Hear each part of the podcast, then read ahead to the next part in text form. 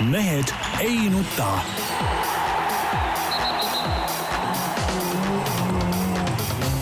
mehed ei nuta. selle eest, et mehed ei nutaks, kannab hoolt Unibet, mängijatelt mängijatele. tere teisipäeva ja tere esimest jaanuari. mehed ei nuta nagu alati kenasti platsis, paigas, selleks et panna seekord taas paika kakskümmend viis aasta spordi kõige tähtsamat sündmust, pluss siin veel jagame eriauhindu ja kõike muud säärast ja kuna tänavu on siis esimene jaanuar on teisipäev, siis kahjuks te jääte sellel nädalal kahest saatest ilma.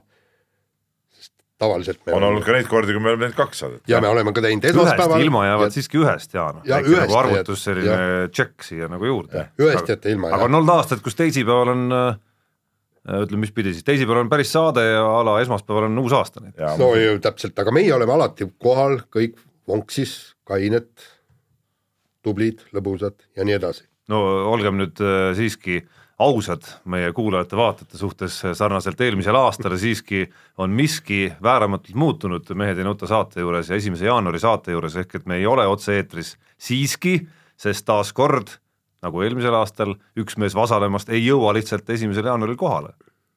Ei, aga- minu kaela on see lihtne veeretada, aga tead, mitte keegi meist kolmest ei tahtnud nagu esimese jaanuaril siia tulla, olgem ausad. jaa, aga ometi selles saates me oleme kõik vinksis, vonksus ja kained.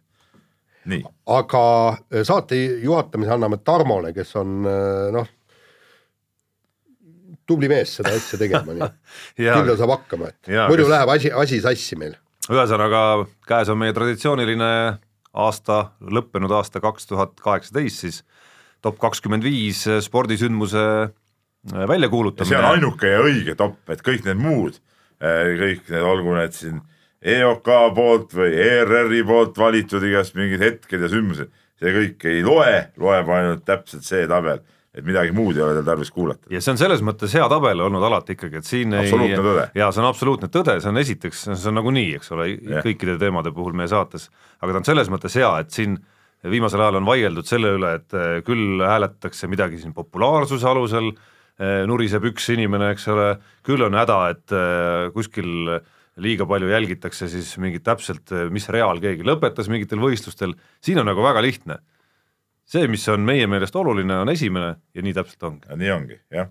et äh, oleks äh, väikene ajaloomeenutus ka siia saate algusesse, siis äh, käime korraks läbi ka senised nominendid ja senised võitjad meie top kakskümmend viis tabelis, kusjuures kui nüüd vaadata seda tabelit hoolega, et esimene oli aasta kaks tuhat üheksa ja täna on meil kaks tuhat kaheksateist aasta kokkuvõtmine, siis lihtne arvutus näitab, et tegemist on juubelitopiga.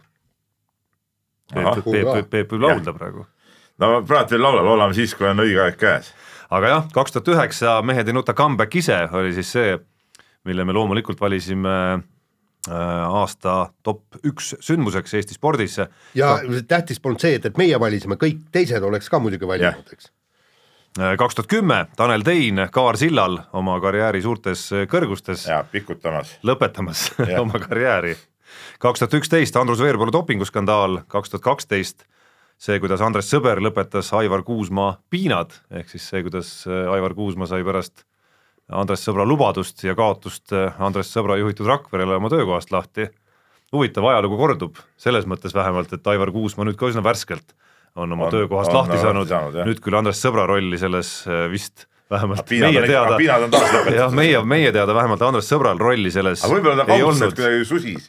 et võib-olla uuel aastal tuleb siiski välja, kes on uus Rapla peatreener. jah, täpselt. nii, kaks tuhat kolmteist Eesti spordi süsteemne hävitamine, siin oleme pidanud silmas huvialaringide toetuse kadumist, stipendiumide kaotamist ja selle asemele siis eh, nii-öelda millegi, mitte millegi asendusväärset tekitamist Eesti spordisüsteemis.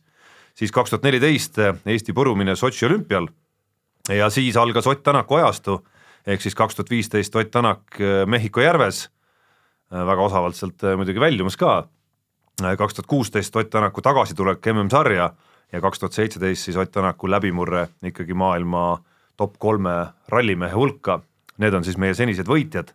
Ja ma usun, kui nüüd natukene vihjeid anda, et äh, võib-olla ei ole väga lihtne ära arvata, mis on seekordne Mis number esimene, üks jah., meie teame juba. meie teame, kusjuures seda, seda toppi vaadates äh, vaata, kui osavalt me oleme ikkagi Tarmo suutnud äh, nii-öelda motospordi ja ralli usku pöörata, sest mäletad, esimestel aastatel oli põhiline, et see oli legendaarne lause jah ja.. jah, põrinad on olulised vist. keda, ei, keda need põrinad huvitavad, oli see legendaarne lause, aga Just. peab tunnistama, et on hakanud, on hakanud huvitama, jah, ja, ja kusjuures vähemalt ekraani vahendusel. jah, no ütleme niimoodi, et, et ilmselt oled ka nagu nina vastu lina, kui Ott Tänak võitleb MM-tiitli pärast või, või rallivõidu pärast. pean, pean pattu tunnistama jah.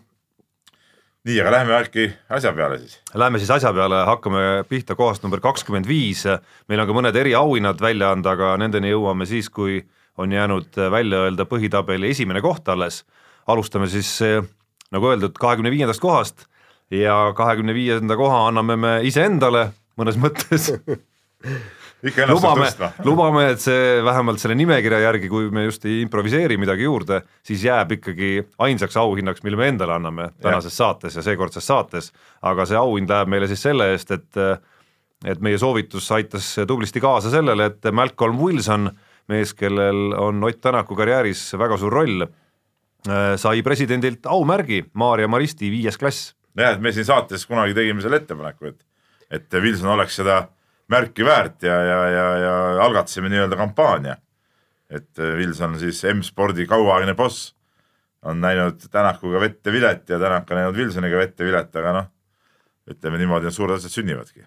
no ütleme niimoodi, et, et äh, sääraseid ilusaid žeste võiks teha minu meelest natukene rohkemgi, see, see medal ju ei maksa teab mis palju, aga ma kujutan ette, kui hea meel oli Malcolm Wilsonil kuulda seda ja lõpuks seda siis ka ta kuskil Londonis vist äh, Eesti saatkonnas selle medali rinda sai ja, ja noh, ilus. No ilus seda enam minu arust, et, et Malcolm Wilson jätab mulje kui mehest, kellele selline äh, orden läheb päris kõvasti korda ka veel, no kindlasti jah, et tal on ikkagi eestlastega ajalooliselt väga suur side. jah, noh, Marko Märtingi oli tema jünger nii-öelda, et nii on. nii, aga kohtadel tagapool liigume edasi ja üritame tempot ka hoida, koht number kakskümmend neli, eestlane oma maailmajao tipus võiks öelda, ehk siis Robert Rooba ja meistrite liiga esikoht Jyvaskyla hokiklubi ridades. no tegelikult selles suhtes väga kõva asi, et eestlastel on üldse eh, hokis mees, kes on võitnud ikkagi korraliku tiitli, no okei okay,, võib öelda, mis see meistrite liiga on, et kui on NHL ja KHL ja ja, ja, ja et see ei ole nagu ütleme, võrrelda võib-olla jalgpalli Champions League'iga, aga aga, aga omaette kõva asi küll ja, ja, ja kui Robert, Robert Roba seal võistkonnas mängib, lõi väravaidki, eks ole, siis noh, igatepidi uhke ja see hooaeg on ta ju jätkab Jyvaskylas mängimist ja jätkab väga hästi, on on olnud väga palju väravaid, et eh, enda kohta, et selles suhtes noh, viis pluss, et vägev, et meil on sihuke hokimees olemas. ja Jaa. hoki muuseas on üks kõvemaid spordialasid üldse maailmas. ja aga teisalt jälle on natukene kurb, et me äh, hõiskame, kiidame sündmuse üle, mis tegelikult maailma mõistes ikkagi liiga suur sündmus ei ole.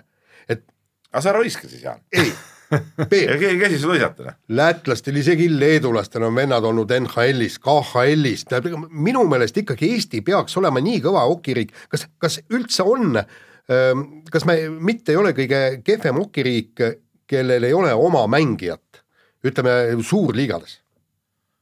sest kõige igasugused kasahhidel ja valgevenelastel kindlasti kui sa me- leiad maailmast meie, muidugi ei maailmas küll, aga kui meie piirkonda vaadata, siis meie lähiriikides sellist riiki nagu polegi, kus poleks äh, mängijat olnud.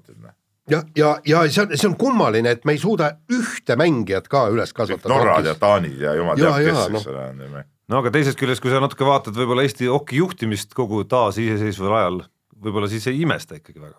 ei no kuule, Eestist ei ole tegelikult niikuinii võimalik nõnda kõrgele tippu välja jõuda, ega Roova on ju ka läbi Soome tulnud. läbi Soome tulnud jah. ja see, selles mõttes on kummaline, et, et meil, meil seda hokikultuuri siiski on. No ja noh, läbi Soome, tähendab läbi Soome räägime ju Eesti hokimeestest, on neid ju veel, lihtsalt nad on Just. põhimõtteliselt Soome, Soome esindajad, eks, Siim Liivikud no meil on oma mees ja- NHL-is ka, Leo Komarov. Narva mees, nii et Jaan, jah, no selles ära mõttes küll hädalda jah,, ära hädalda jah, aga, aga ikkagi ta võiks olla Eesti passiga mees No või, või siis kasvõi KHL-is noh, nojah, aga Eesti passiga mees vähemalt äh, korvpalli Euroliigas on nüüd olemas üsna värskelt, päästab Tagasi nii-öelda., päästab meie top kahtekümmend viite Siim-Sander Vene, kes on siis äh, äh, Gran Canaria meeskonna värske liige ja, ja esimesed kolm Euroliiga mängu on taas kord all, olgem ausad, hoopis teine asi on, hoopis teine, hoopis teine asi on vaadata.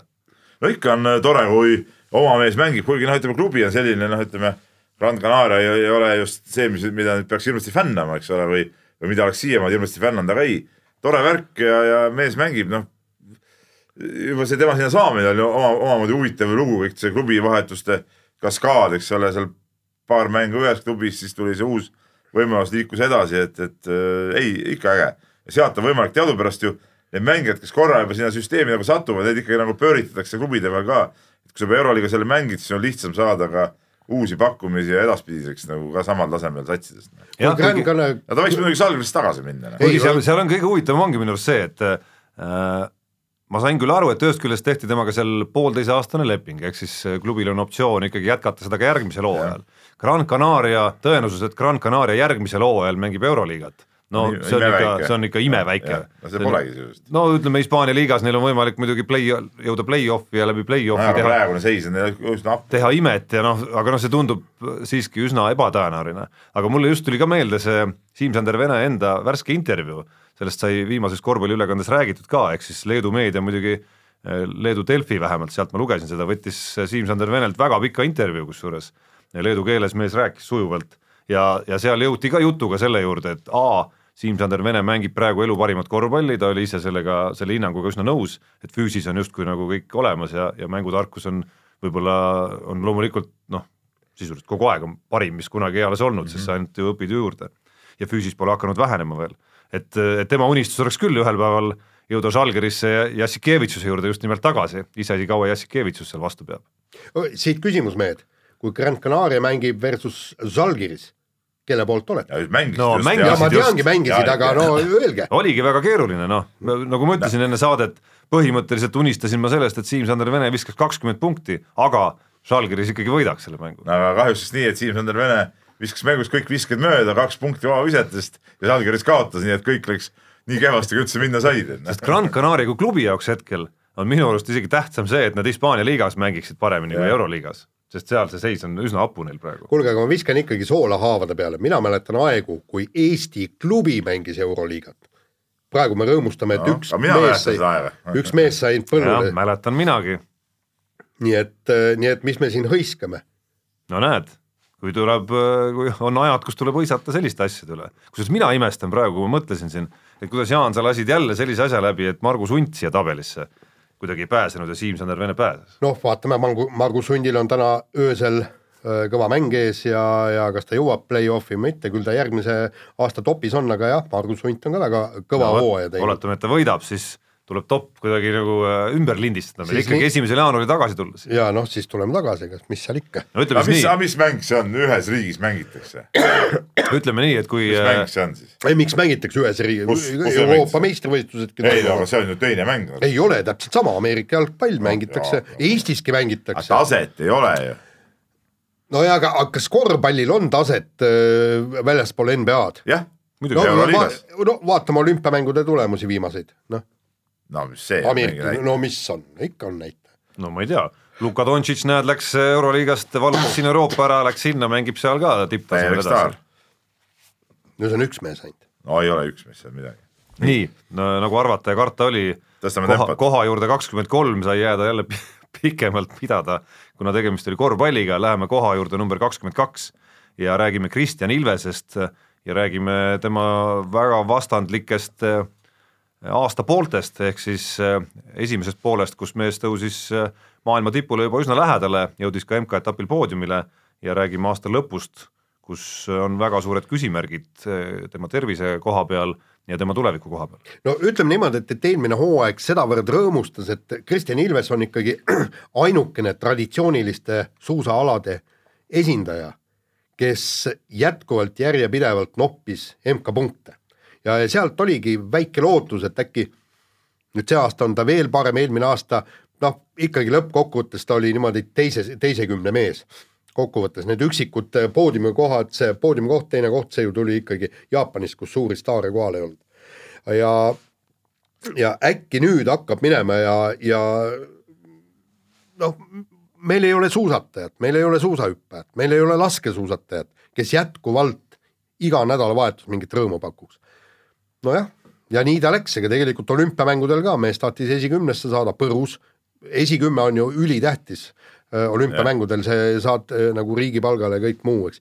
nüüd koristati kahevõistlus äh, Kristjan Ilvese ümbert ära, mis no minu meelest on ka õigustatud, sest vennad Pihod on ääretult tublid ja tragid poisid, aga ainult, et tulemust ei olnud ja kui raha on vähe, siis on mõistlik see suunata sellele ühele, kust võiks midagi tulla. Ja siis põmm.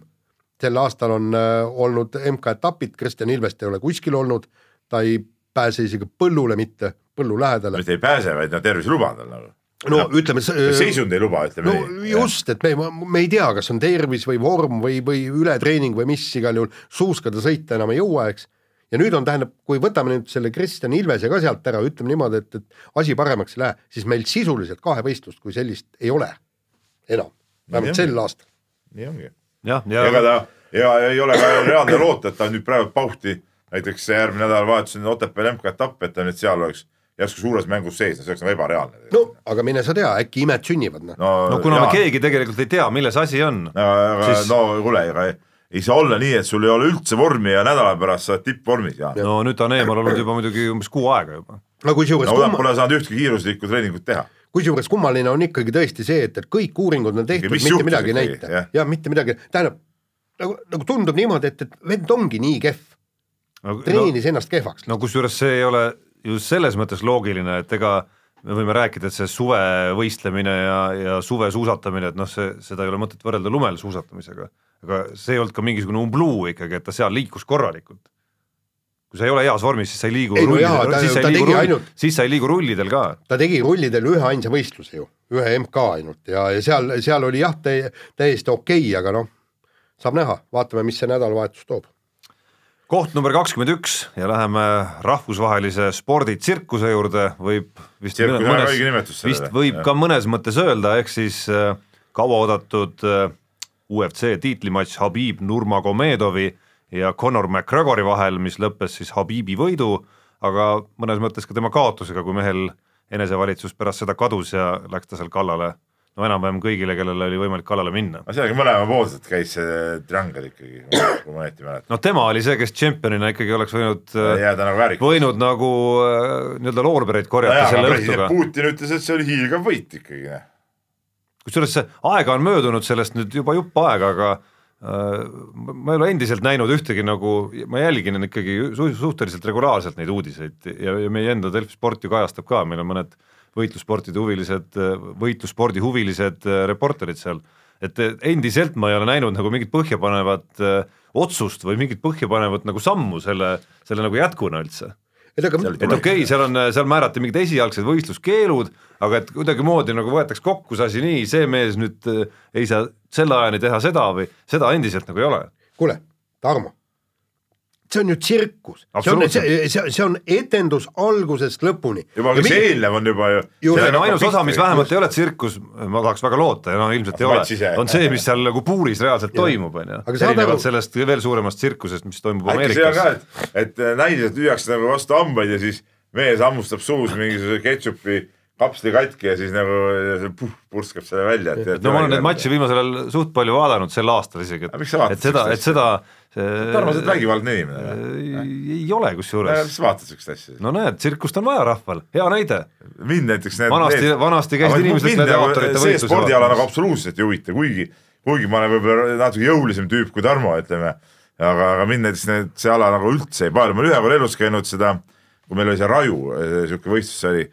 Saku Suurhallis oli see, käisin vaatamas seal, no see ei jätnud mulle küll mingit siukest muljet, et ma tahaksin uuesti tagasi minna. ja no võib-olla selles ongi asi, et ma olen nagu muidu rahumeelne, sina muidu käid võib-olla seal, ma ei tea, Rummu ja Vasalemma vahel ja nagu elad ennast nagu kuidagi füüsiliselt ja reaalselt päris nii ka ei ole, aga, aga ütleme, minu süütenöör on ilmselgelt nagu lühem nagu kui sul, eks ole, et noh.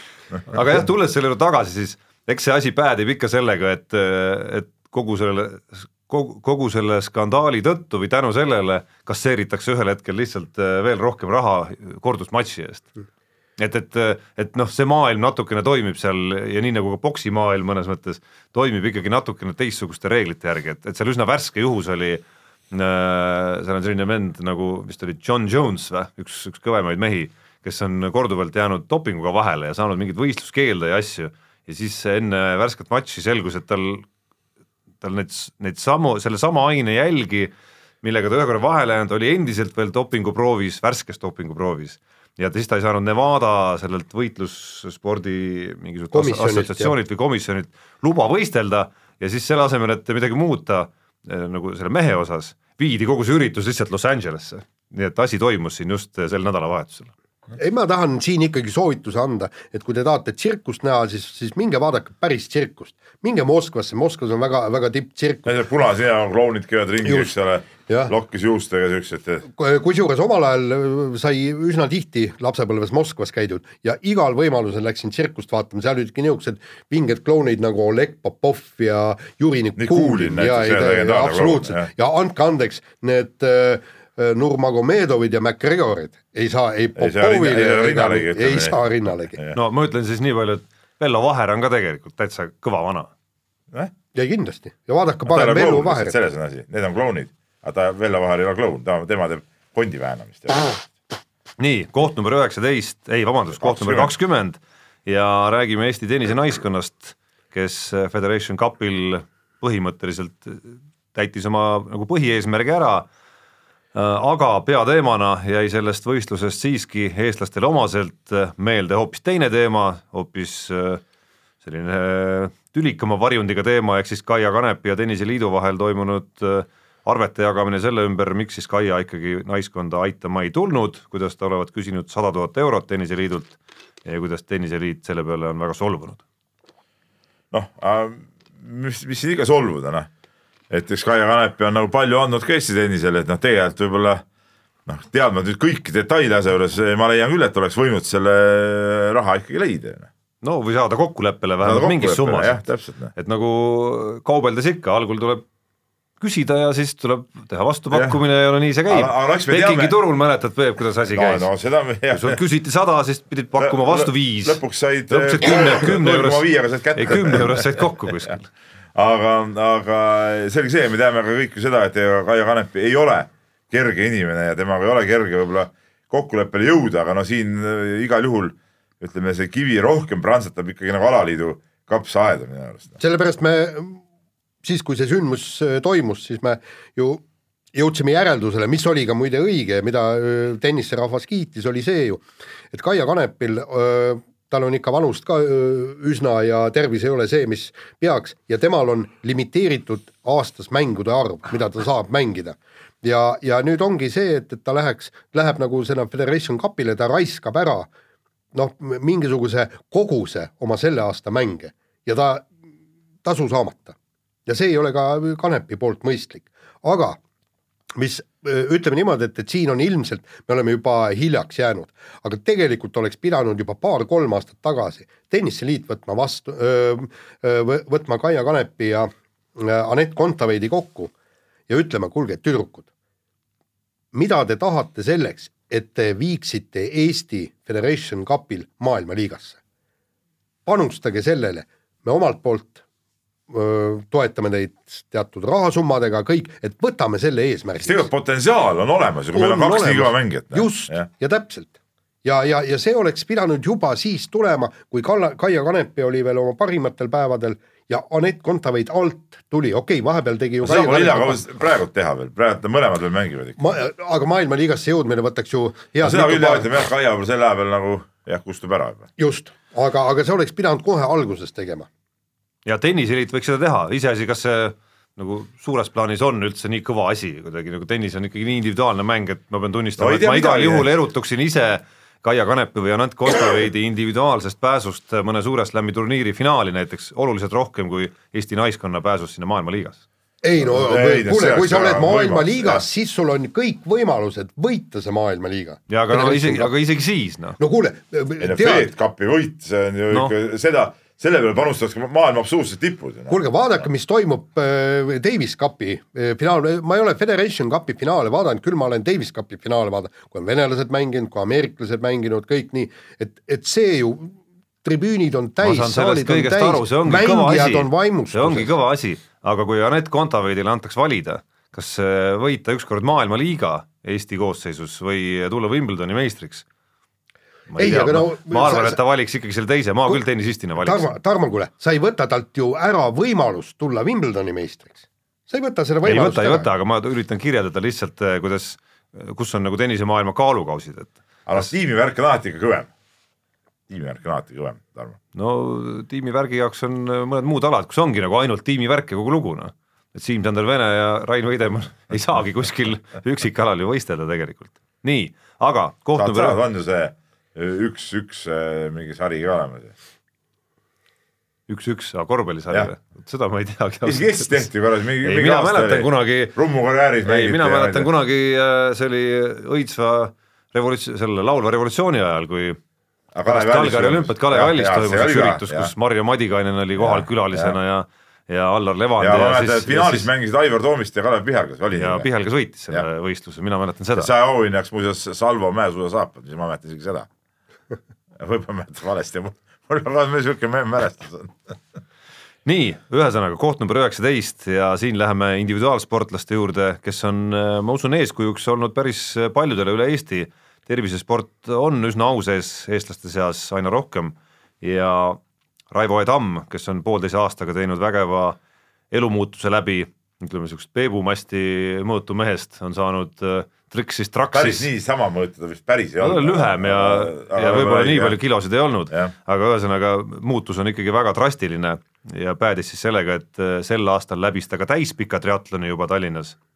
ja, ja nüüd aasta lõppu tuli veel väga tore uudis sellest, kuidas, kuidas üks asi viib teiseni, on nüüd viinud selleni, et meest on kutsutud ka Hawaii Ironmanile ja, ja sinna kõrvale ma ei alatähtsustaks kindlasti ka Rait Ratassepa ultratriatlonite läbimise sellist efekti ja, ja eeskuju, mida see võib anda paljudele no tervisespordlastele ütleme nii, et, et ütleme tavainimese jaoks on see Raivo E. Tamme asi natuke nagu mõistetavam võib-olla, et noh, no sellega on See väga lihtne jah. samastuda, see on sest sa noh, sa ei, sa ei tuleks selle peale, kui sa vaatad Raivo Tammele otsa poolteist aastat tagasi, et, et see mees üldse on suuteline selliseid asju tegema.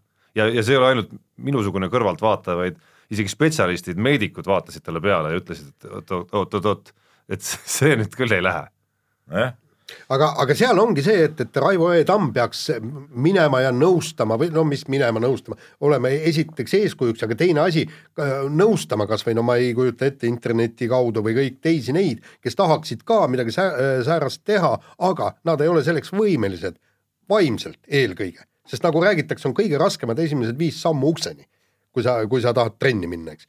aga see, et, et kuidas kõigest sellest äh, üle saada sellest, et kõhklustest ja, ja kuidas, kuidas sa lõpuks ikkagi teed nii palju trenni, et sa kannatad selle täispika triatloni ära, aga Raivo ma korra segan, ma korra segan vahele, enne kui sa jätkad, et eks, eks ta seda ju teeb ka kogu aeg, olles väga avatud ja, ja, ja väga suhtleja ja väga meelsasti sel teemal rääkides ja ja see on nagu kogu selle Ain-Alar Johansoni hea eeskuju projekti noh, nagu musternäide ju tegelikult, selle jaoks seda on vaja, et, et, et selle punktiga kindlasti võtame ka Johansoni ees mütsi maha.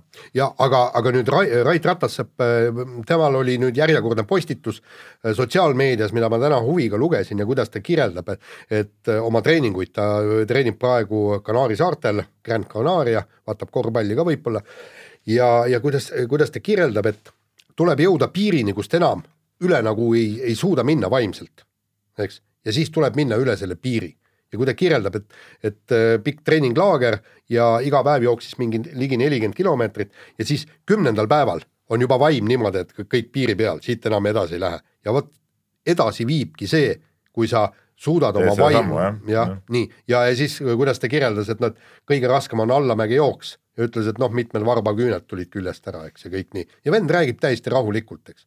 ja, ja mine ütle nüüd seda noh, mõnele nii-öelda klaasist sportlasele, eks. just, aga noh, need on need jutud, mis tegelikult eh, noh, kui üks mees või teine mees suudab neid asju nagu Raivo E. Tamm või Rait Ratassepp, siis siis võiks mõelda või mõte võiks liikuda tavainimesel sinna, et, et pagan, need viis sammu ukseni võib-olla ei ole ikka nii rasked.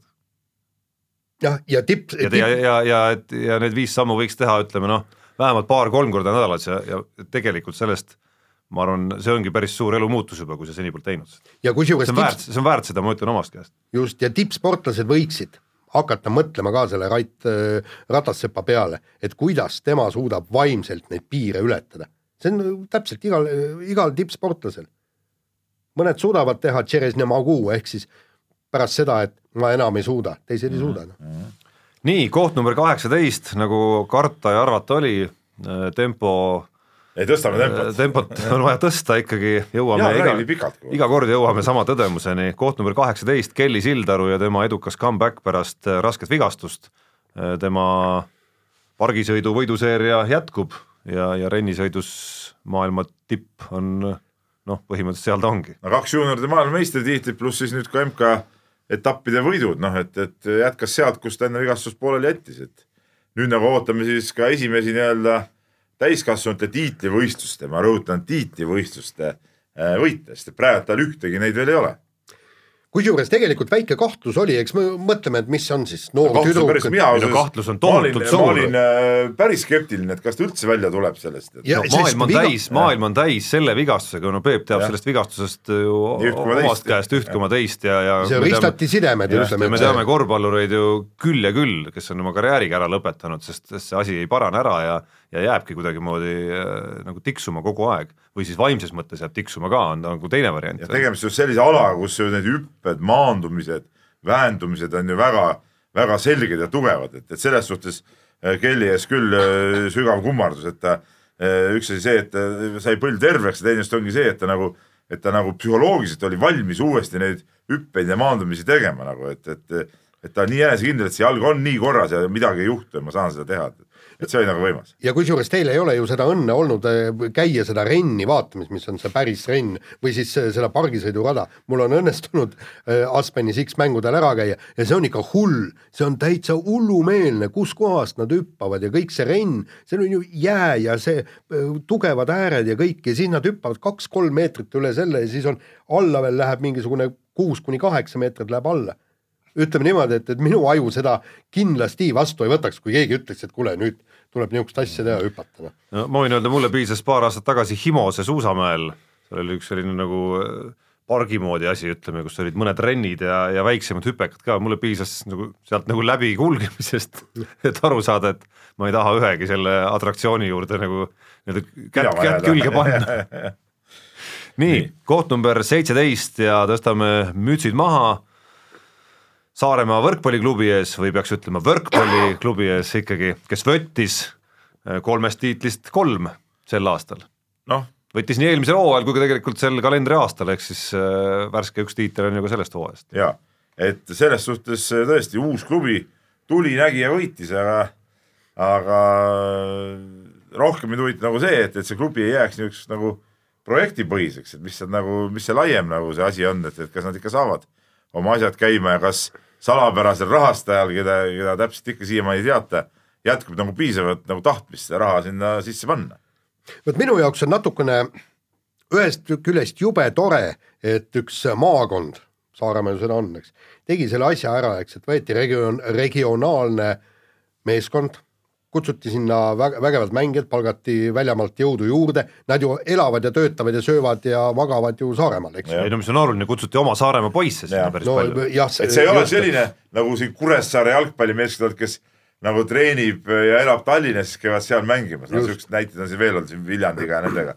aga see on nüüd ikka tõesti, ongi sealne meeskond. nii, aga, aga nüüd on kohe järgmine küsimus, et, et kas ei võiks ka noh, võrkpallis võib-olla meil on nüüd asjad paigas, aga näiteks korvpallis Rapla tegi ära, Rakverel ei ole nagu võistkonda, miks ei võiks Narvas mingisugused fanaatikud kokku tulla, Narva mõni Narvas on teise liiga meeskond olemas. no just teise, aga ma räägin meeskonda, kes tuleb ja võidab, okei okay,, kulda korvpallis sa võib-olla ei võida, eks, aga aga põhimõtteliselt. no asja eeldus on siiski see, et, et sa pead olema regioon, kus jah. on mingid traditsioonid ja kus reaalselt on juba tippmängijaid üles kasvanud ja neid kasvab veel nagu püsivalt seal edasi. see on siiski mingisugune eeldus, et, et selles mõttes sa päris nagu noh, ütleme aastal kaks tuhat kaheksateist või üheksateist Narva korvpalliklubi ei hakka tegema.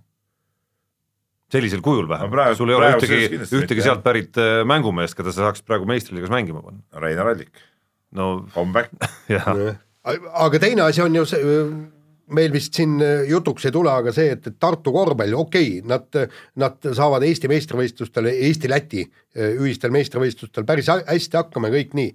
Saaremaa teeb endale sinna võrkpallis tippklubi ja suur linn Tartu ei suuda korvpallis luua äh, klubi, mis võitleks väga tõsiselt äh, BC Kaleviga ja üritaks ka murda ennast ühisliigasse. vot Noh. see on kummaline. no ütleme, Tartu niisuguseks nagu advokaadina võib öelda, et läbi aastate päris pikki perioode on nad suutnud ikkagi mingitel, praegu mingitel perioodidel isegi teha klubi, mis on äh, Jaa, edukam kui on Kalev paremaid Cramo. aegu, on halvemaid aegu. kuule, praegu on väga ja head ajad mingitel hetkedel isegi aegu, kus on oldud on, Euroopa esineli- või eurosarja esinelikus. jaa, aga praegu on ju majandus, majandus on ju tõusuteel, praegu on majandus tipus, raha peaks ju olema. no näed sa praegu seda, kas sa tajud, hetk- Jaan, Eesti spordis, et raha on rohkem kui kunagi varem ja ei ole lihtne leida seda? no minu meelest Kalev Cramo on ühe parima läbi aegade ko- koosseisu kokku saanud. jah, aga olgem ausad, seal on äh, päris suur abi siiski tuleb ka sellelt liigalt, kus nad osalevad. päris No, suur. ei no aga Saaremaa sai oma võistkonna, võrkpallivõistkonna seal on lihtsalt üks sihuke metseen, kes tahtis seda teha sinna, kas tõesti ei ole Tartus võimalik leida kellel on nii palju raha, kes No tahab just, teha no no see- ülikool pikka aega tahtis ja tegi, nüüd kadus isu ära. nii on. koht number kuusteist, läheme põrinate juurde. Jüri Vips sai siis Red Bulli vormelitiimi ja mitte ainult või noh, see põhjus, miks ta sinna sai, oli ka selge. ta on üks hinnatumaid, kui mitte kõige hinnatum noor vormelipolo-, vormelipiloot hetkel maailmas. no vägev, aga ütleme, see, see on sihuke huvitav asi, et jah, et Vipsi arengut on huvitav vaadata muidugi ja, ja sõitis tublisti seal eh, sel hooajal oma sarjas ka, aga, aga ainuüksi see, et ta sinna Red Bulli sai nüüd, ega see ei ole veel mingi garantii, et ta nüüd eh, kuhugi veel jõuab, eks ole, et Ei, nüüd, nüüd on vaja arengut jätkata ja mis see protsent oli, seitseteist vist, eks ole, kes nendest eh, jõuab siis vormel ühte. noh, tegelikult ei ole nii väike protsent, aga ei ole ka ülemäära suur muidugi, et kümnest ikkagi, kümnest eh, siis no isegi kaks ei jõua, eks ole. no just. Ja, ja, ja seal tehakse väga konkreetselt neid asju, ma vaatasin, seal oli kas, kas kuuskümmend seitse või kuuskümmend neli või kui palju seal läbi aegade Red Bulli noortetiimis on sõitjaid olnud. Ja mõned on e- pärast esimest aastat kõik, oled tubli, palun jaluta minema. kui sa kahe-kolme aasta jooksul, ma arvan, et tal on antud aega kolm aastat, võib-olla pole kolmegi, võib-olla kaks, no ütleme, kolm aastat on antud aega. ja nüüd sel kolmel aasta jooksul sa pead olema tipus, nii kui sa seda ei ole, head aega. ja, ja kusjuures Kevin Korjusel oli ju ka võimalus, talle tehti ka pakkumine. Nad valisid ühe teise tiimi, see oli vist äh, Renault äkki või? ja vist oli jah. Jah, aga, aga kuuldavasti oli ka Red Bull teinud pakkumise ja just sellepärast nad loobusid sellest, et see äh, elu on niivõrd karm, sa pead ainult võitma, kui sa seal tiimis tahad olla. ja samas, väga huvitav, Schumacheri poeg, kes pani kogu äh, selle sarja kinni, Euroopa F3 sarja, ükski tiim temale taha ei tulnud. ja aga no see, et elu on karm muidugi selles maailmas ongi, et kui sa tahad kuhugi jõuda, siis sa peadki madalamates sarjades kogu aeg võitma, see on ka selge. Nii. nii, koht number viisteist ja natukene teine äärmus sporditegijate seas kui Jüri Vips on Konstantin Vassiljev ehk siis äh, Eesti jalgpalli raudvara, kelle karjäär aastal kaks tuhat kaheksateist on kujunenud ikkagi eriti kummaliseks. nimelt siis Poola klubis Klivitše Piasti ei mahu ta esindusmeeskonda pärast äh, klubi treeneri vahetust ja peab siis mängima Poola kõnnumaadel tugevuselt kuuendas liigas ja ootama ütleme siis sellist nagu halastust, võiks nii vist öelda, et ühel hetkel siiski päästetakse ta kuskile, kus ta ka nagu mängida saaks ikkagi, mitte ainult palka ei peaks vastu no võtma ma, ma tasub meenutada seda, kuidas meie äh, hea kolleeg Madis Kalvet käis siis fotograafiga Poolas äh, vaatamas neid väljakuid, kus äh, Vassiljev siis mängib ja, ja need fotod olid ikka päris kõnekad, kus no meil Arukülas käib praegu staadioni remont, võin öelda, ja ma pakun, et augustist on äh, meie staadion kindlasti näeb, näeb viisakam välja kui need, need maad, millest no Keila staadion ka näiteks näeb kõvasti viisakam Keil on suur linn ka ikkagi. nojah, väga suur linn.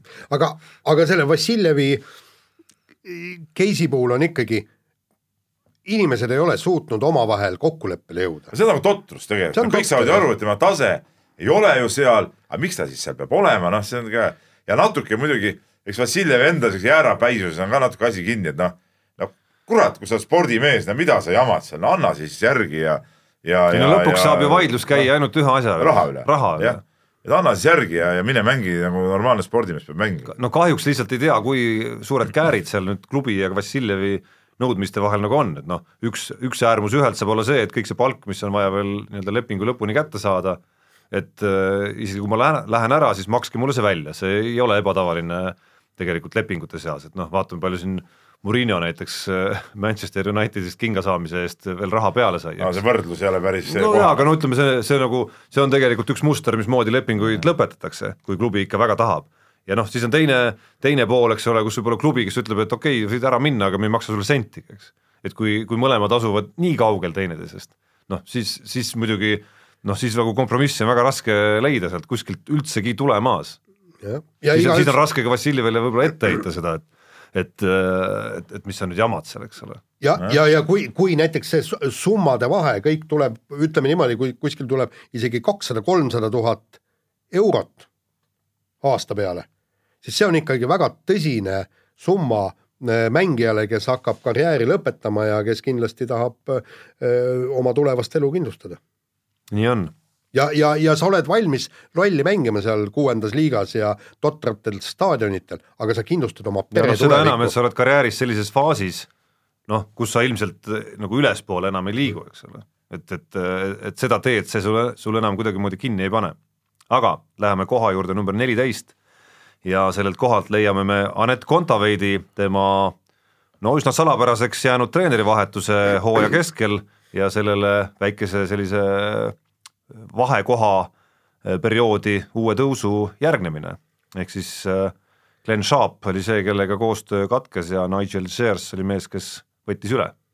no olin ju sealsamas äh, Prantsusmaa lahtides ja just tahaksin ise ka teada, et et seal oli noh, tsirkust oli palju jällegi ja, ja ega ta noh, probleem on ilmselt selles, eks, et, et me käime niivõrd vähe seda tennist vaatamas, et et sa ei suuda selle Äh, sportlasena nagu veel ühele lainele jõuda, sportlased, äh, tennisistid ei usalda veel ajakirjanikke kõike nii, sellepärast et kui ma näen, et äh, treenerit soojendusel ei ole ja, ja nii-öelda laht-, lahti mängimisel treeningul ei ole ja siis hakatakse hämama, et, et ta läks perekondlikel põhjustel koju, no me saame ju kõigest sellest teada, eks, ühel hetkel ikkagi, eks.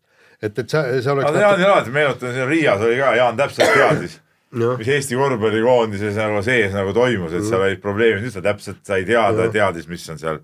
tea, nagu hästi ei nagu sa nagu hästi, hästi näed no nagu asjade sisse ja. ei no jaa, aga vaata, sa, sa, sa ju kuuled ja, ja vaatad kõrvalt ja, ja lõpuks ikkagi sa ju tead, et tegelikult asjad, asjad nii ei ole, aga. no see, see ongi nüüd oluline et äh, üks asi on teada, et asjad nii ei ole, nagu neid serveeritakse, teine asi on äh, teada, mis, kuidas nad tegelikult kuidas nad on. tegelikult on ja äh, meil tuli vist see on nii, nagu sõitsin siia just, kuulasin Anvar Samosti saadet raadiost ja seal räägiti sellest puidu rafineerimistehase loost ja sellest, et et, et noh, jah, kuskilt paistab küll, et see asi võib-olla, et seal kuskil on veel mingi maailm, millest tegelikult äh, ajakirjandus ei ole suutnud nagu läbi hammustada ennast, alates sellest, et mis oli võib-olla kogu selles tehase ärajäämises, ütleme siis nende tehase nagu äh, ettevõtluse mõttes konkurentide roll näiteks kuskil nagu nii-öelda nagu kulisside taga niiditõmbajana, on ju, aga vot, seda me ei tea. Ja, aga, aga seal oligi, vot meile tuli ju ka üks kiri, et, et, et äh, Anett Kontaveit nagu käitus rumalalt, et keset turniiri äh, läks treenerist lahku ja kõik. pange tähele, esimese mängu ta ju täiesti suurepäraselt võitis, kaotas küll järgmise ja, ja. ja kukkus korraks ka mingisse auku, eks ole. Täiesti auku, aga, aga see, see on ka selge, et nii juhtub, aga paraku elu on selline, et noh, sina oled ju tegelikult see, kes määrab, tennisist on see, kes määrab ja, ja kui ta leidis, et, et treeneriga koostöö ei sobi või siis leidis treener, et temaga koostöö ei sobi, nii juhtubki, aga praegu pärast seda ikkagi aasta teises pooles mängis äh, päris kena tennist, taaskord jõudis maailma kahekümnendaga, kahekümnendaks numbriks. vot nüüd tahaks vaadata, mis sel öö, tuleval aastal juhtub no nüüd on, nüüd on ikkagi päris selge, et Grand Slamil peaks ikkagi jõudma vaikselt juba poolfinaali no,. vastasel korral ei ole võimalik kuhugi tõusta, eks ole, et no, see jah, jah, see on nii keeruline. ja, ja, ja, ja kindlasti tuleks näksida maailma esikümne piiri. näksida. näksida. jah, aga selleks näksimiseks just nimelt neid poolfinaali või, või WTA turniiri võite ongi vaja. et praegu oli aasta ilma sellise ühe konkreetse särava sähvatuseta. aga nüüd oleks vaja, noh, ütleme sealt edasi enam ei lähe ilma sähvatusteta. meie aga läheme koha juurde number kolmteist jalgpall, meie lemmikala. ja meistrite liiga finaal vaieldamatult Eesti spordisõprade ja maailma omade jaoks ka oli aasta üks suursündmusi, meie jaoks väikene selline lisaboonus, aga väikene oli see, et Ragnar Klavan oli Liverpooli Sai meeskonna ridades mingit- ka osaline ikkagi meistrite liiga finaalis, tõsi, väljakule ta seal selles konkreetses mängus ei pääsenud, aga see finaal ise, Loris Kaariuse jämedad prohmakad ja sellest, sellest, sellest, sellest, sellest räägitakse veel kaua. tal oli peapõrutus tuli väidetavalt pärast selgus ju, mis tal takistas nagu adekvaatselt eh, hinnata olukordi. jah, tegelikult kahju, et, et Liverpool kaotas, kahju, et äh, meie mees kuldmedalit ei saanud, ei saanud võidukana platsile joosta, aga nüüd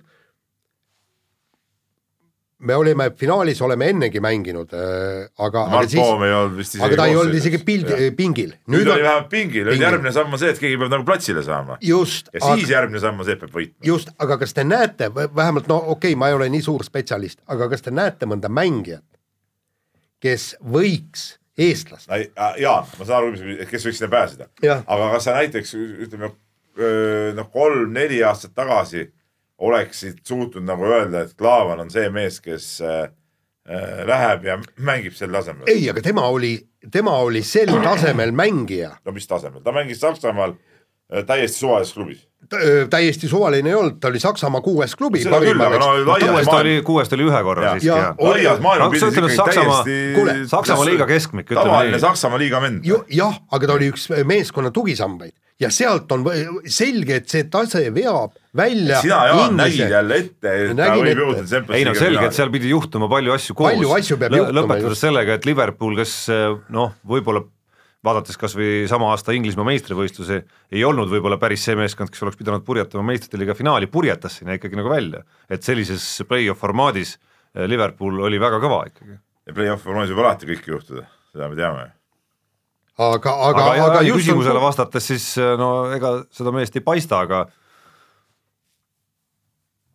ütleme, ta, ta võib ka teinekord mingite juhuste kokkusattumisel suhteliselt kiiresti nagu juhtuma hakata ja, ja kruvima hakata, aga hetkel muidugi eeldust ei paista nagu kusagilt selles. no ütleme jällegi täiesti no ütleme, paistab kusagil kuueteist, seitsmeteist aasta Just, vanuste seas aga noh, sellest ei ole mõtet rääkida nii vara.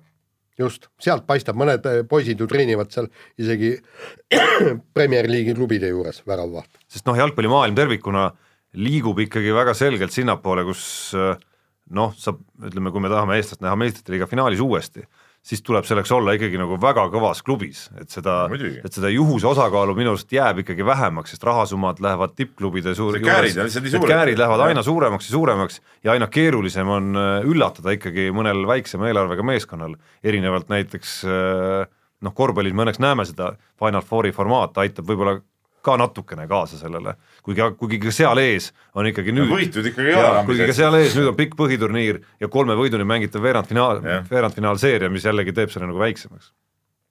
nii, lähme edasi, koht number kaksteist, kaksteist ja märksõna Maicel Uibo ja tema MM-i seitsmevõistluste pronks siis sisehallis ja tegelikult võib sinna juurde panna ka mingis mõttes kindlasti tema tubli võistluse Kötsises, mis järel kahjuks tema hooaeg läks vigastuse nahka.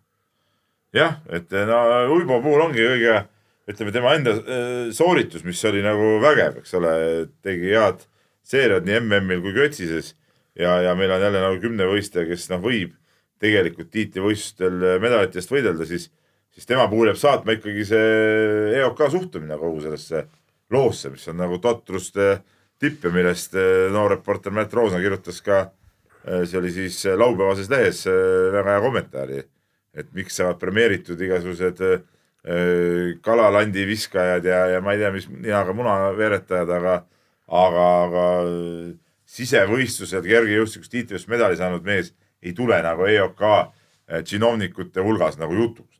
no see on huumor no lõpuks talle ikkagi see toetus leiti pal, palka no jaa, aga ikkagi saama kogu, kogu aga, see on täielikult mingi saaga, mingisugune No kategooria võrra madalam siiski. nagu just, aga, aga teine asi on ka see, ma olen ju kõrvalt kuulnud, et, et äh, jällegi, eks ma tean. ja ei sina ja, ma tean, eks, aga ma olen kõrvalt kuulnud, et tegelikult oli väga tõsine võitlus, et, et saada kasvõi nüüd siis see äh, väike stipendiumgi äh, Uibole, millele siis nüüd Kergejõustikuliit lisas omapoolse äh, raha ja, ja tsinovnikud olid täiesti, pool sellest tippspordikomisjonist olid täiesti vastu ja võitlesid, et me ei peaks andma Uibole ja ma raha. rõhutan, tegemist on mehega, kes eh, aasta meessportlaste valimistel sai lõpuks kolmanda koha. jah, ja see jutt käib sellest, et mis, mis stipendiumi peal on ja kas ta tulemusel on mingisugune väärtus või ei ole, no see on nali ju. ja, ja, ja täpselt, kui sa, kui sa vaatad tema üksikalade tulemusi seal, okei okay,, on seitsmevõistlus või mis, sa ju näed, et see persoon on võimeline võitma mingisugusel ajahetkel medali. ei no ta see..., ta, ta demonstreeris seda oma kötsise tulemusega. ei no see kotsis oli hiljem, eks. no ta oli hiljem, aga noh, ütleme, ta tõestas ja nii-öelda nagu noh, andis nagu justkui mingi nagu templi või kinnituse peale sellele, sellele, mida need, kes temasse uskusid ja, ja kes nägid, et loogiline oleks talle toetusi edasi anda, rääkisid kogu aeg ja, ja, ja no mis tuli veel nagu tagantjärele siis äh, järgmise sammuna olid siis needsamad tiitlivõistlused, kus noh, olgem ausad, vähegi normaalse tervise korral olekski ta selle medali kätte saanud täpselt nii. ja, et kui ja sa seda kümnevõistluse seisu vaatad maailmas praegu, siis üks mees välja arvata, noh, on ikkagi nagu medaleid suhteliselt Odavad., suhteliselt laiale hulgale kümnevõistlejatele hetkel avatud. ja kusjuures ma ei tea ühtegi teist riiki, kes käitus nii nagu kä- käitus Eesti ja EOK, igal pool mujal tuleks või meil ka peaks, olümpiakomitee peaks tõttama Uibo juurde ja ütlema, kuule mees, kuidas me saame sind nüüd aidata, meie võimalused on ehk piiratud, aga me, me saame selle palga, sellist töötasu, vot seda pakkuda, et, et mis sul veel vaja on, et sa lõpuks jõuaksid selle medalini. nii tuleks käituda, aga pekki kurat, me, ma, ma, ma ütlen, ma lähen nä- närvi, me tippspordikomisjonis hakkame võitlema, kuidas Uibole mitte maksta toetust. No kas see on see peaks normaalne,? see peaks olema just see komisjon, mis ühel häälel peaks nagu aru saama peaks nagu, peaks nagu tegema kõik, ütleme nii-öelda tellima sisse, andma, andma suunad kusagile kõrgemale välja, nii, meil on vaja nii palju raha nüüd, et toetada veel seda ja seda meest ikkagi. et see ei peaks olema see koht, kus asjad kinni jäävad, vaid vastupidi, kust asjad nagu hoo sisse saavad. nii, koht number üksteist. ja koht number üksteist ja taaskord põrinad. mis jama see on? No neid põrinaid siin me kuuleme veel.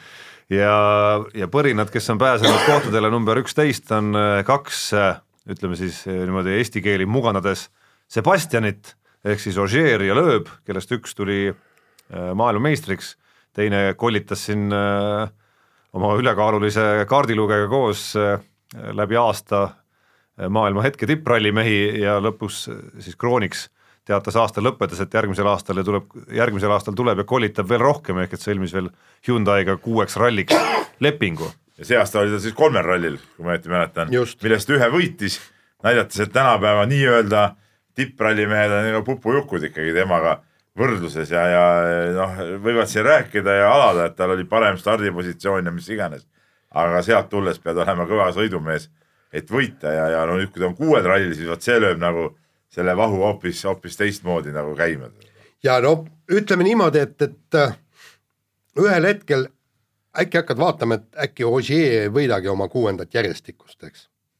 ja siis lõpuks ikkagi ta tuleb ja, ja võtab ja võidab, eks. kuigi auto tal ei ole parim, tal on endal probleeme, ise käkerdab seal mõne ralli ära ja kõik. aga Jaan, ma, ma tuletan meelde, ma läbi ütleme terve hooaja või vähemalt hooaja keskpaigast saadik rääkisin sulle kogu aeg, kui sa rääkisid kogu aeg sellest, kuidas Tänak peab võitma, võitlema Neuvilliga, et seal on see, ma ütlesin sulle kogu aeg, Ožeer on see põhimees, Ožeer on see mees, keda peab jälgima, tema on kõige ohtlikum, Jaan, ei läks ju. nii, aga, aga kes jagab asja? jah, aga aga, aga, aga ega sa kui seda, Peep ikkagi minu arust ei suuda nagu lõpuni, sa jagad asja küll ära seletada, et, et mis siis selle Neville'iga oli? ajurebend, kas, kas ikka no, räägi lähemalt, seda ei ole lihtne diagnoos panna ajurebend no okay.. mees ei suuda pinge all sõita lihtsalt, noh. ei no tal oli ka periood, kus tal ei olnud veel mingit pinget. ei no kui sa oled juba liider no,, lõpus ma saan aru, lõpus ma saan aru, punktivahe on Ei, ei, tasanenud. Tarmo, sa saad valesti ja... aru. pinge tekib ka sellest, kui sa oled äh, juba pikalt ees, sa hakkad mõtlema, appi, appi, ma võidan, noh. appi, ma olengi ees juba ju, kedagi ei paistagi, no mis nüüd saab, on ju, tead, noh. juba sealt tuleb see pinge, noh. see ei ole ainult see, et sul on punn punnis, eks ole. Aga sa ühel hetkel avastasid, ma olen nii kõvasti eest ees, et, et kuramus, äkki ma võidangi ära see aasta selle asja, sa hakkad seda mõtlema, mõtlema, kerima, kerima, kerima ja sellest tekib see langus. ja ja seda nimetatakse võiduhirmu no ilma asja, ja ei no ilma asjata ei öelda, et ega see nagu võidu võtmine ongi kõige raskem osa, see vormistamine, eks. see on ju pallimängus ka, korvpallis ka, nõrgem võistkond mõnikord ju läheb ju ette ja, ja no tundub, et võtabki ära, aga siis ikkagi nagu järsku ei saa enam sisse, järsku ei saa seda, teist, kolmandat ja nii lähebki. ja kusjuures korvpallis on tihti veel võimalus, tõsi, mäng on muutunud kiiremaks ja, ja, ja siis eduseisud sulavad ka palju kiiremini tänapäeva korvpallis, kui, kui nad võib-olla kakskümmend aastat tagasi. aga veel rohkem me näeme seda sellistel aladel, kus sul on vaja võita ikkagi mingisugune noh, mänguaeg ei lõpe ära, aga sul on vaja mingi punkt veel võtta, noh võrkpallis, eks ole, Eesti, mäletad, Eesti naised kaotasid siin ühe valikmängu äh, olid game'idega kaks-null peal ja seitse matšpalli vist oli kolmandas game'is ja ei saanud seda kätte ja lõpuks lõpuks kaotasid ja tennis on, eks ole, teine selline ala, kus sa võid küll olla ees, võid neid matšpalle omada, aga kui sa neid matšpalle ära pole realiseerinud, siis, siis justkui hakkab see asi lõpuks sinu vastu nagu mängima. nii on. nii, aga kas peame esimest korda panema fanfaarid ka kõlama, et jõuame top kümnesse või? Et see, see oli muide pioneerilaagri äratussignaal oli umbes selline, ma olin kusjuures ühes pea- pioneerilaagris kunagi olin seda söögisignaali tead või? kuule, ma olin ehk ühes sõnadest tulge ruttu, pudru keeb. huvitav, et te nii hästi mäletate, ma Ja- käisin ka kaks korda pioneerilaagris, jõudsin käia siiski, kuigi ametlikult ma pioneeriks ei saanudki, sest Aga- just sel suvel äh, meie olime jah ja sel pioneerid. sügisel, kui mina oleks pidanud saama ametlikult pioneeriks, kaotati see pioneerivärk ikkagi nagu ära.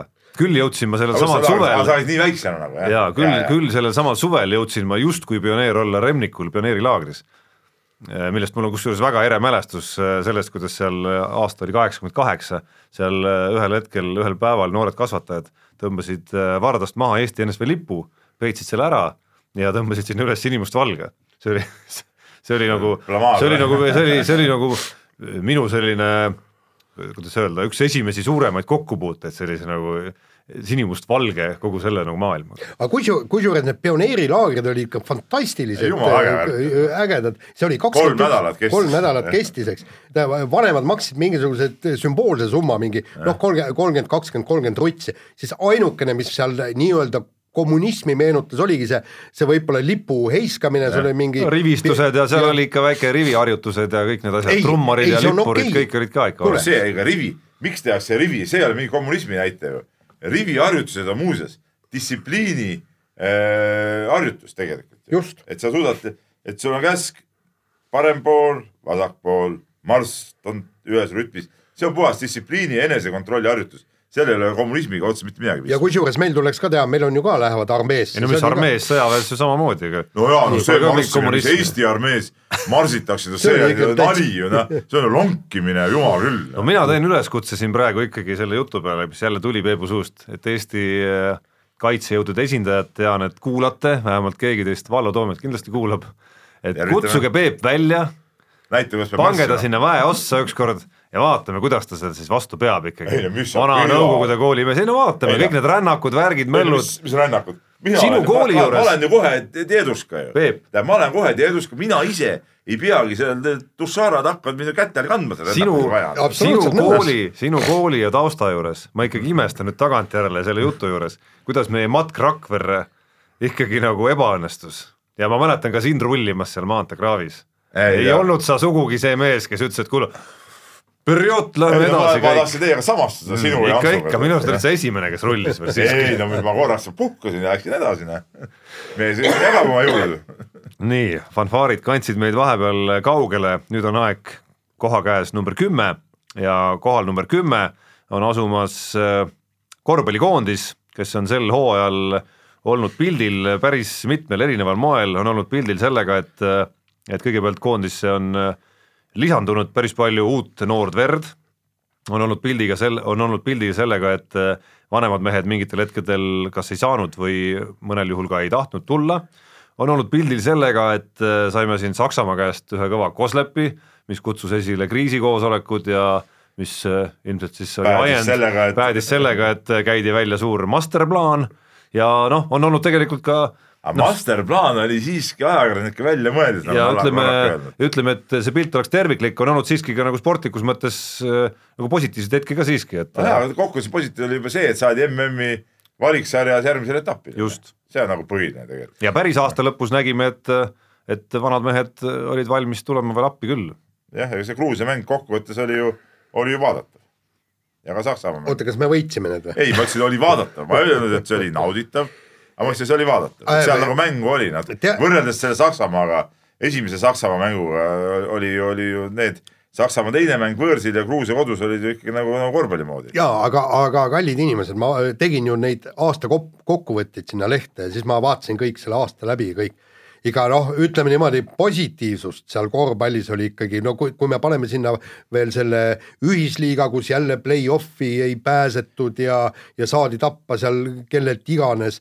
nüüd pääsetakse. no ühisliigas aasta kaks tuhat kaheksateist kohta öelda, et kuidagi nagu väga kehv oleks olnud, ei saa öelda, et noh, Kalev oli ikkagi ka eelmisel hooajal ja on ka sel hooajal pildil ikkagi, et see hooajal eriti. no just, aga noh, eelmine hooaeg ei olnud ka kindlasti mingisugune Kuule, katastroof, aga tulles nüüd koondise ja korvpalli juurde tervikuna, muidugi ei ole mingi hõiskamise aeg hetkel, et mis puudutab koondise käekäiku, siis, siis see viga minu arust eh, tagantjärele vaadates nüüd kindlasti ikkagi tehti ja see noh, ma arvan, et äh, ei olnud ikkagi nii ja on ka kuulda, et ei olnud ikkagi päris nii, et see oli nüüd teadlik otsus, kõik need koondise tsüklid, mis selle aasta jooksul oli, et see oleks olnud teadlik otsus iga kord, et vot sel korral me tahame mängida, meie visioon on mängida just nende meestega, et see kõik oli ikkagi nagu juhuse, juhuse mäng, et kui, kui vanemad mehed kas tahtsid või said tulla, siis nad tulid, kui ei tahtnud, siis võeti lihtsalt, kes vähegi nagu võtta olid, isegi jõudis asi nii kaugele, et Karl-Martin Kase nimeline korvpallur jõudis ka Eesti koondisse yeah.. just,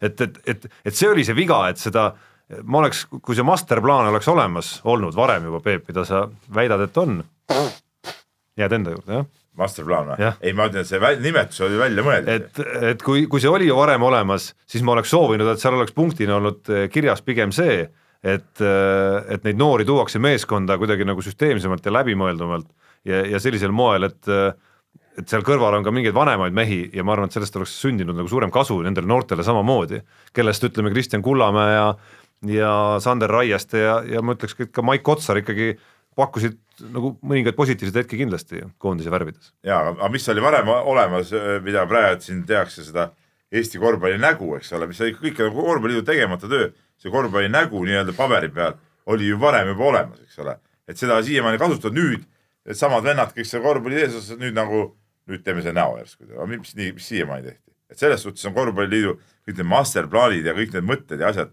see kõik on tore, aga, aga, aga mis, mis nagu siiamaani tehti, miks, miks siiamaani neid asju nii ei tehtud nagu, nagu pidi tegema? et need tegelikult vastutajad on ju samad inimesed. oota, kas üks korvpalliliidu juht ei olnud ka meie praegune peaminister? kas tema oli president, jah? ja, ja kas, kas tema ei oleks võinud öö, ka kõiki neid nii-öelda masterplaane ja nägusid ellu kutsuda? No ma tegelikult ei, ütleks niimoodi, et Jüri Ratas ei olnud nagu väga halb president tegelikult, ütleme tema ajal seal mingeid asju ikkagi hakati nagu tegema ja, ja, ja asjad nagu, asjad nagu toimisid, et, et. ja et toimisid küll, aga kus me nüüd siis oleme? üks kehvemaid variante. jaa, aga arve-. pigem, pigem oli nagu positiivne variant. arvesta, arvesta, me sööme praegu noid vilju, mis tollel ajal ju külvati no, oleneb, mis tasandil sa räägid, aga, aga ma isegi ütleks, et me sööme võib-olla nagu varasemaid Varasem, või varasemate tegemajätmiste vilju siiski rohkem isegi. et praegu peaks meil olema ju ütleme kus, kusagil niisuguste kahekümneste kuni kahekümne ja kolmekümne vahel korvpallurite mingisugune plejaad oleks see, kes peaks meid esindama kuskil väga kõrgel tasemel, aga me saame rääkida siiski nend-, nendest väga kõrgel tasemel korvpalluritest ainsuse, ainsuses ja. praegu kui Siim-Sander Vene kellel õnneks on küll kolm nime kokku, aga, aga me räägime ühest mängijast siiski. oota, kuskohast ta, ega ta mitte Žalgirise süsteemist ei tulnud või? ei no eks ta, eks ta alustas siiski, eks ole siin. jaa, aga ütleme nii, niimoodi, et, et selge see, et sa, sa pead alustama siin, aga tippu viiakse no, sind ikkagi praegusel hetkel, nagu ka kõiki teisi viiakse ju praegu neid Kullamäid ja, ja absoluutselt, aga noh, me kiidame siin näiteks võrkpallureid ja, ja seda, kuidas võrkpallikoondis on arenenud, eks see nende mudel ongi ju tegelikult sama. Teist... ei ole sama. No,, kuule, nad ei ole, nad ei lähe neljateistaastaselt väljamaale, nad on kuni kaheksateist, üheksateist aastani on siin ja alles ja siis, siis siirduvad. siin mängivad juba meistriliigas kõvasid mänge ja siis lähevad edasi, see mudel on küll natuke teistsugune, jah. jaa, aga ütleme selliseks nagu tippkorvpall või vabandust, tippvõrkpalluriks saavad nad siiski välismaa klubides mingeid astmeid pidi, et see, et see selles mõttes noh, see on mingis mõttes nagu paratamatu ikkagi, kuigi ka mulle ei meeldi, et meil ei ole ühtegi äh, klubi, mille kaudu ei, ei ole, ma ei mäletagi tükk aega enam, et oleks nagu mõni korvpallur sirgunud nagu siin meie kodukamaral, et meil me, Veidemann no, oli viimane vist et, et noh, ma endiselt tahan, tahaks Kalev Cramos ka näha sellist et üt-, ükskord tuleb üks, ma ei tea, noh, kaheksateistkümne, üheksateistaastane, ma ei tea, nagu Lukas Lekjavitsuse sugune mängija Žalgirises tuleb, alustab, saab oma esimesed minutid, seesama mäng viimane, mida me vaatasime no,, kaks kaheksateistkümne aastast olid väljakul seal, okei okay,, see oli ka olude sunnil. jaa, aga nad on olemas. No. kunagi tuli ka Lekjavitsus olude sunnil, nüüd on ta Paratinaikoses ja sai pärast viimast mängu mingi tohutu ülistuslaulu uuelt peatreenerilt. et vot, et keegi, kes lööb särama just nimelt ja ma ei mõtle isegi nagu võib-olla Rakveret või, või Kuremaad, kus Veidemann kunagi särama lõi, vaid lööb särama just meie esiklubis isegi just nendes aastates nagu kaheksateist, üheksateist, kakskümmend, kust hüpata siis juba järgmisse kohta. koht number üheksa, Saskia Alusalu ja tema neljas koht PyeongChangi olümpial. no üks vastuolulisemaid eh, siukseid spordiresultaate üldse nagu, mis Eestis on, on ütleme viimasel ajal olnud. ei, miks, miks ta vastuoluline oli? no vastuoluline sellepärast, et neljas koht iseenesest on kõva, aga see nagu see selle spordiala äh, totter äh, süsteem nagu.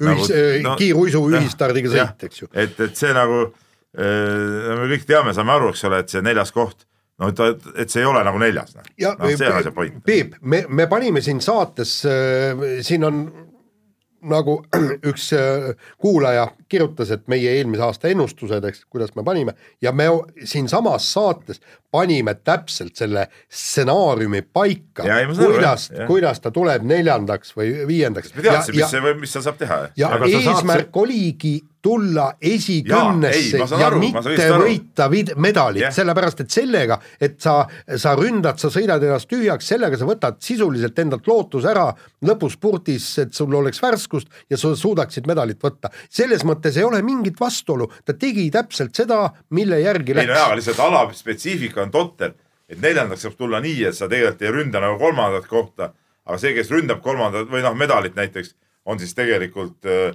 kes finišis on neljas, on siis tegelikult kuskil võib-olla seitsmes, kaheksas, üheksas. no oligi vist, esimene medalita jääja oligi vist kas seitsmes äkki. aga, aga see kõik, see jutt tähendab, ei tähenda kuskilt otsast seda, et Saskia Alusalule oleks mingeid etteheited, tegelikult Saskia Alusalu, ma käisin pärast olümpiat temaga tegemas pikka intervjuud. väga hea äh, intervjuu oli muideks. kodukohas ja, ja ma ütlen nii, et, et absoluutselt äh, müts maha tema ees, et, et üldse null tingimuste pealt on inimene roninud äh, tänu omale mingisugusele visadusele, jonnakusele, ilma mingisuguste suurte toetusteta seal nagu olümpiaalgi oli, eks ole, seal kes laenas massaažilauda, mingid välismaalased käisid masseerimas seal, kuidas ta käib, mingid suvalised vennad käivad seal uiske teritamas, eks ole, et et noh, kõik see asi kõik kokku panna ja siis noh, ikkagi no selleks, et ka see sihuke sõit ära teha, sa pead olema ikkagi kõva tead, eks ole. noh, siin pole nagu midagi rääkida, et, et üli ülikõva ja, ja, ja, ja, ja, ja vägev värk. Noh. ja kusjuures see oligi ju ainukene võimalus eh, jätkata tipptasemel kiiruisutamist, sellepärast et noh, et meie olümpiakomitee, et, et ta peaks nüüd öö, eh, järsku hakkama alusalut aitama või toetama, no niisugust asja ei ole, no miks noh just seal, seal ju tõigi ta näiteks, ta oli ikka väga kibestunud, kui tal oli kõik see massaaž, ta peab ise salaja äh, kuskil hotellitoas, eks teiste koondise massööridega äh, tööd tegema kõike. ja mida me ja meie EOK bossid, eks, ja president ka kõik nokivad rahulikult nina, neil on täiesti savi, kas Saskia Alusalu saab masseeritud või ei saa ja nii on. ja, ja muide, ülejäänud olümpia, tegelikult ma ühel hetkel äh, mõtlesin, et noh, et, et pagan, et, et äkki ole, poleks seda neljandat kohta vaja olnud, et, et praegu nagu tundub, et noh, polegi paha, eks. jube hästi oli kõik. jah, ja, et Kelly Sildaru, näed, oli vigastatud, sealt oleks medaleid tulnud ja kõik nii. tegelikult meil läks ju Sotši olümpia läks täielikult omadega alla vett. aga mis siis vahepeal muutus? mitte midagi. mitte midagi, absoluutselt et, et, et mis oleks vaja, et meie Eesti spordis midagi muutuks, aga noh, muidugi selle neljanda koha paistel praegu ikka no, me ei peagi midagi muutma, kõik on hästi. kõik on hästi jah ja. ja., kusjuures mitte ei, ei arvestata miskipärast seda, et see neljas koht oli tegelikult Saskia Alusalu suuresti personaalne. mis oli absoluutselt personaalne, no selles ongi, seepärast ma ütlengi, miks. ei no kus see kõik algas? miks ma Saskia Alusalu alustame sellest, kus ja. see kõik algas, Adavere. olema no, no ko- kogu austuse juures Adavere entusiastide vastu ja, ja see on nagu, see on nagu, see on nagu nii vägev maasool, et, et selliseid, selliseid mehi ja selliseid äh, inimesi on, kes, kes nagu tegelevad sellise asjaga ja suudavad ja, ja suudavad jõuda lõpuks olümpia neljanda kohani. no mitte üksi, ka äh, äh, Martin Martin Liiv. Liiv samast kohast, eks ole, noh, et, et et siuksed lapsedki seal on olemas, kes tahavad seda kaasa tulla, noh. see, see, see on nagu müstika, aga, aga mis Saskia Alusat ennast puudutab, siis noh, nagu ootus nüüd kindlasti oleks, et no ma mäletan, ma kiitsin ise ka väga takka teda, et, et ta võttis selle taktika, sest, sest reaalselt hinnates tal, noh, ega tal medali varianti nagu ei olnud, et tema, tema võimed medalini ei oleks küündinud sellisel moel, nagu sellel alal on võimeid vaja, et seda medalit saada. et, et, et nagu vaheetapina, et äh, võidelda välja endale vajalikud toetused, et saada nüüd edasi korralikult sporti teha, trenni teha, noh, igati õige, õige variant ja, ja et see, et see veel neljas oli ja sellise ägeda stsenaariumiga, noh, pikalt, pikalt juhtides nagu vahepeal, eks mitte, mitte kuidagimoodi seal üksikuid punkte noppides, oli nagu äge, aga et, et kas see jääb ka ainult vahesammuks või see saabki lõpuks nagu selleks äh, kõige suuremaks nagu tähe, tähtehetkeks ikkagi, et kas ta nüüd oma äh, arengu käigus jõuab nagu selle hetkeni ka, kus ta hakkab ikkagi medalite peale. aga nüüd seda huvitav vaadata, selle äh, uue hooaja MM-id näiteks, EM-id, MM-id, mis seal hakkab juhtuma, noh, et. no ma, ma arvan, et see ei ole nii kiire protsess, ta peaks ikkagi ütleme niimoodi, et, et seal on vaja vähemalt päris arvestatavat hüpet ikkagi. jaa, aga ma, ma lihtsalt räägin, et, et vaata, anname talle võimalust viis aastat veel sporti teha, viie-kuue aasta pärast hakkame vaatama. nii, koht number kaheksa ja sõnapaar, mis on käinud juba läbi meie saatest ja käib nüüd uuesti ja selle sõnapaari esimene sõna on Kaunas ja teine sõna on Žalgiris. nii on, no midagi ei ole teha, Eesti ja see ei ole ainult, kusjuures see ei ole nüüd Peebu ja minu mingisugune lumm Euroliiga ja Kaunase Žalgirise suhtes, vaid äh, olgem ausad, eestlaste hordid käivad Kaunases äh, korvpallimänge vaatamas, et siin Facebookis noh, Pidevalt. praegugi käib Jah. seal mingi Panathinaikose mängule reisi Jah. Äh, organiseerimine, ise plaanin näiteks minna siin äh, Gran Canaria mängu vaatama märtsikuus ja ma usun, et sinna on eestlasi minema ka, minemas ka päris palju, et see on täiesti tä- nii-öelda see marsruut on täiesti, täiesti soojaks sõidetud ja, ja hetkel ja olukorras, kus Eestil sellist noh, ütleme päris hurraa värki nagu ei ole, kuigi täna õhtul ehk siis kahekümne, mis ta meil on, kolmekümnenda detsembri õhtul Moskva CSKA vastu mäng peaks olema üsna välja müüdud Saku Suurhallis, aga sellist nagu, nagu suurt ja püsivat midagi sarnast ei ole, on eestlased saanud minu arust Žalgirisest äh, päris kõva aseaine. absoluutselt ja see on nagu ikkagi, no ma siin ühes saates ise ka tunnistasin, kui oli valida eh, Kalevi mäng ja Žalgirise mängu kordus, mida ma pole eemne näinud, siis ma sujuvalt millegipärast libisin Žalgirise mängu korduse peale. et, et vaadata, kuidas asjad, asjad juhtuma hakkasid ja, ja no nii on, ta on ikkagi saanud nagu, Žalgirisest on saanud nagu tõesti aseaine nagu ikka nagu meie võistkond, no midagi ei ole teha. No ta on sellele annab kaasa muidugi ka see, et me näeme neid mänge, eks ole, ja, ja nii edasi ja, ja, ja ta on noh, ta ikka meie regiooni võistkond ja, ja ütleme minusuguse võib-olla ka natuke vanemale spordisõbrale ka ikkagi ta on nagu noh, okei, ta on Kalevi sihuke suur rivaal olnud kogu aeg, aga nagu see side Žalgirsi kui sellisega on olnud ju juba noh, nagu nii aegadest ammudest äh, Vene ajast veel või Nõukogude Liidu ajast saadik, et noh, et kõik see nagu hoiabki tähendab, noh, tõstabki seda tähendust nagu tead. ja, ja isegi, isegi mina, kes seda rahvusvahelist korvpalli niivõrd vähe jälgib, et ütleme niimoodi, vaatan AK uudised ära, klõpsin teleprogramme, et mis seal näidatakse, et no ja vaatan, ahaa, Žalgirise mäng on ja jätan selle peale, ise loen öö, raamatut silmanurgast jälgin, põnevamad hetked näen ära, lõpuminutid vaatan ära ja kõik. kui seal mängivad teie jaoks muidugi mingisugune võib-olla tõesti suur mäng, mingi Panathinaikos, CSKA ja kõik, no ei paelu nii, aga nii, jah, aga, aga nii kui on Žalgiris, nii jätan ikkagi peale, vaatan. ja noh, ütleme see on erakordne siiski, eriti kui me räägime, et seal on see veerandfinaal vahel kolme võiduni ja, ja tõesti pikk põhiturniir, ülipikk, mis peaks nagu sõeluma välja väga kõvasti seal äh, nõrgemaid. et, et Žalgiris jõudis Final Fouri ja, ja sai seal ühe võidu ka veel kätte et ainuke hirm, mis seal on, on see, et see ei saa nagu igavesti kesta. Et äh, ega Šarunas Jassikevitšus, no ta ei jää igavesti sinna Žalgirise etteotsa, ma kardan, no sa ütlesid, see, sa ütlesid muidugi Jassikevitši kohta viimases ülekandes ikka väga ägeda lause ka, et et jääb selline mulje, et kõik, mis ta teeb, on geniaalne, eks ole. sama nende noorte poiste platsile toomisel, kuigi nagu muud, tegelikult nagu oleks olnud variantne, oleks võinud nende samade vendadega kahe Loksutada neid seal, aga ta tõi need vennad, noh tõi need vennad siia sisse, tead noh. Ja on varem ka olnud, noh ta lihtsalt teebki oma mingeid imelikke käike, mis võib-olla tunduvad imelikud, teistpidi jälle toovad jälle kasu, okei okay, nad kaotasid selle mängu, aga nad ei kaota kindlasti mitte sellepärast, et need vennad seal platsil on. koht number seitse ja jalgpalli mm, mille finaalis võitis äh, esikoha siis Prantsusmaa ja kus äh, finaalis küll kaotanud Horvaatia võitis ka väga palju südameid ja kus väga paljud soosikud põrusid päris korralikult. jah, ütleme Horvaatiast oli selles suhtes kahju, et Horvaatia oli nagu äge võistkond ja nad oleks, oleks selles suhtes võinud võita, aga teisalt jälle on mul muidugi hea meel, et ikkagi tiitel jäi nii-öelda suurte satside ringi, et sinna nagu neid uusi võitjaid juurde väga ei ole jälle vaja, et selles suhtes no mul poleks on seda küll tunded no nagu.. poleks seda küll uskunud, et äh, Peep kunagi Prantsusmaa maailmameistritiitli üle rõõmustab. ei, ma ütlengi. Prantsusmaa. jaa, ei ma saan aru. ma rõõmustasin, kui Prantsusmaa tuli tuhat üheksasada kaheksakümmend neli Euroopa meistriks seal Platini, ütleme see põlvkond, siis ma olin väga nende poolt, sest see oligi nagu äge võistkond, tead noh. aga, aga see nüüd, nüüd jah, ma ütlengi, et, et ma olingi nagu, ma olin nagu natuke nagu Horvaatia poolt, sest Horvaatia mulle tõesti väga meeldis, et, et see oli nagu ägedalt mängisid. aga teisalt ma nagu jah, et, et hoida seda nii-öelda maailmameistrite klubi nagu võimalikult väiksena, ma tahtsin jälle, et Prantsusmaa võidaks. ütleme niimoodi, et selle MM-i lõpplahendus oli tegelikult äge, seal olid kõik need play-off mängud ja seal oli skandaale ja, ja, ja Varr ja- ja, ja absoluutselt äh, lõpplahendus oli täiesti okei okay., aga ikkagi see turniir on nii pikaks venitatud, nii nii, pikk, palju nii palju mänge ja seal on tõesti, no seal on mänge, seal mis turniiri lõppes ei mäleta, kuidas turniir algas. no absoluutselt ja teine asi on see, et, et seal on ikka ikkagi need nii-öelda teise järgu satsid, joonealused satsid, no neid ei ole sinna vaja. kakskümmend neli maksimum, tegelikult kuusteist oleks ka väga hea, las suured mängivad omavahel. täpselt. teeme üldse kinni see klubi. jah, ainult need, kes on tšempioniks tulnud, need saavad mängida. ei no okei okay., kaheksakesi. las need oponendid olla siis seal kõrval, las kuusteist on tõesti õige number, ma olen Jaaniga nõus.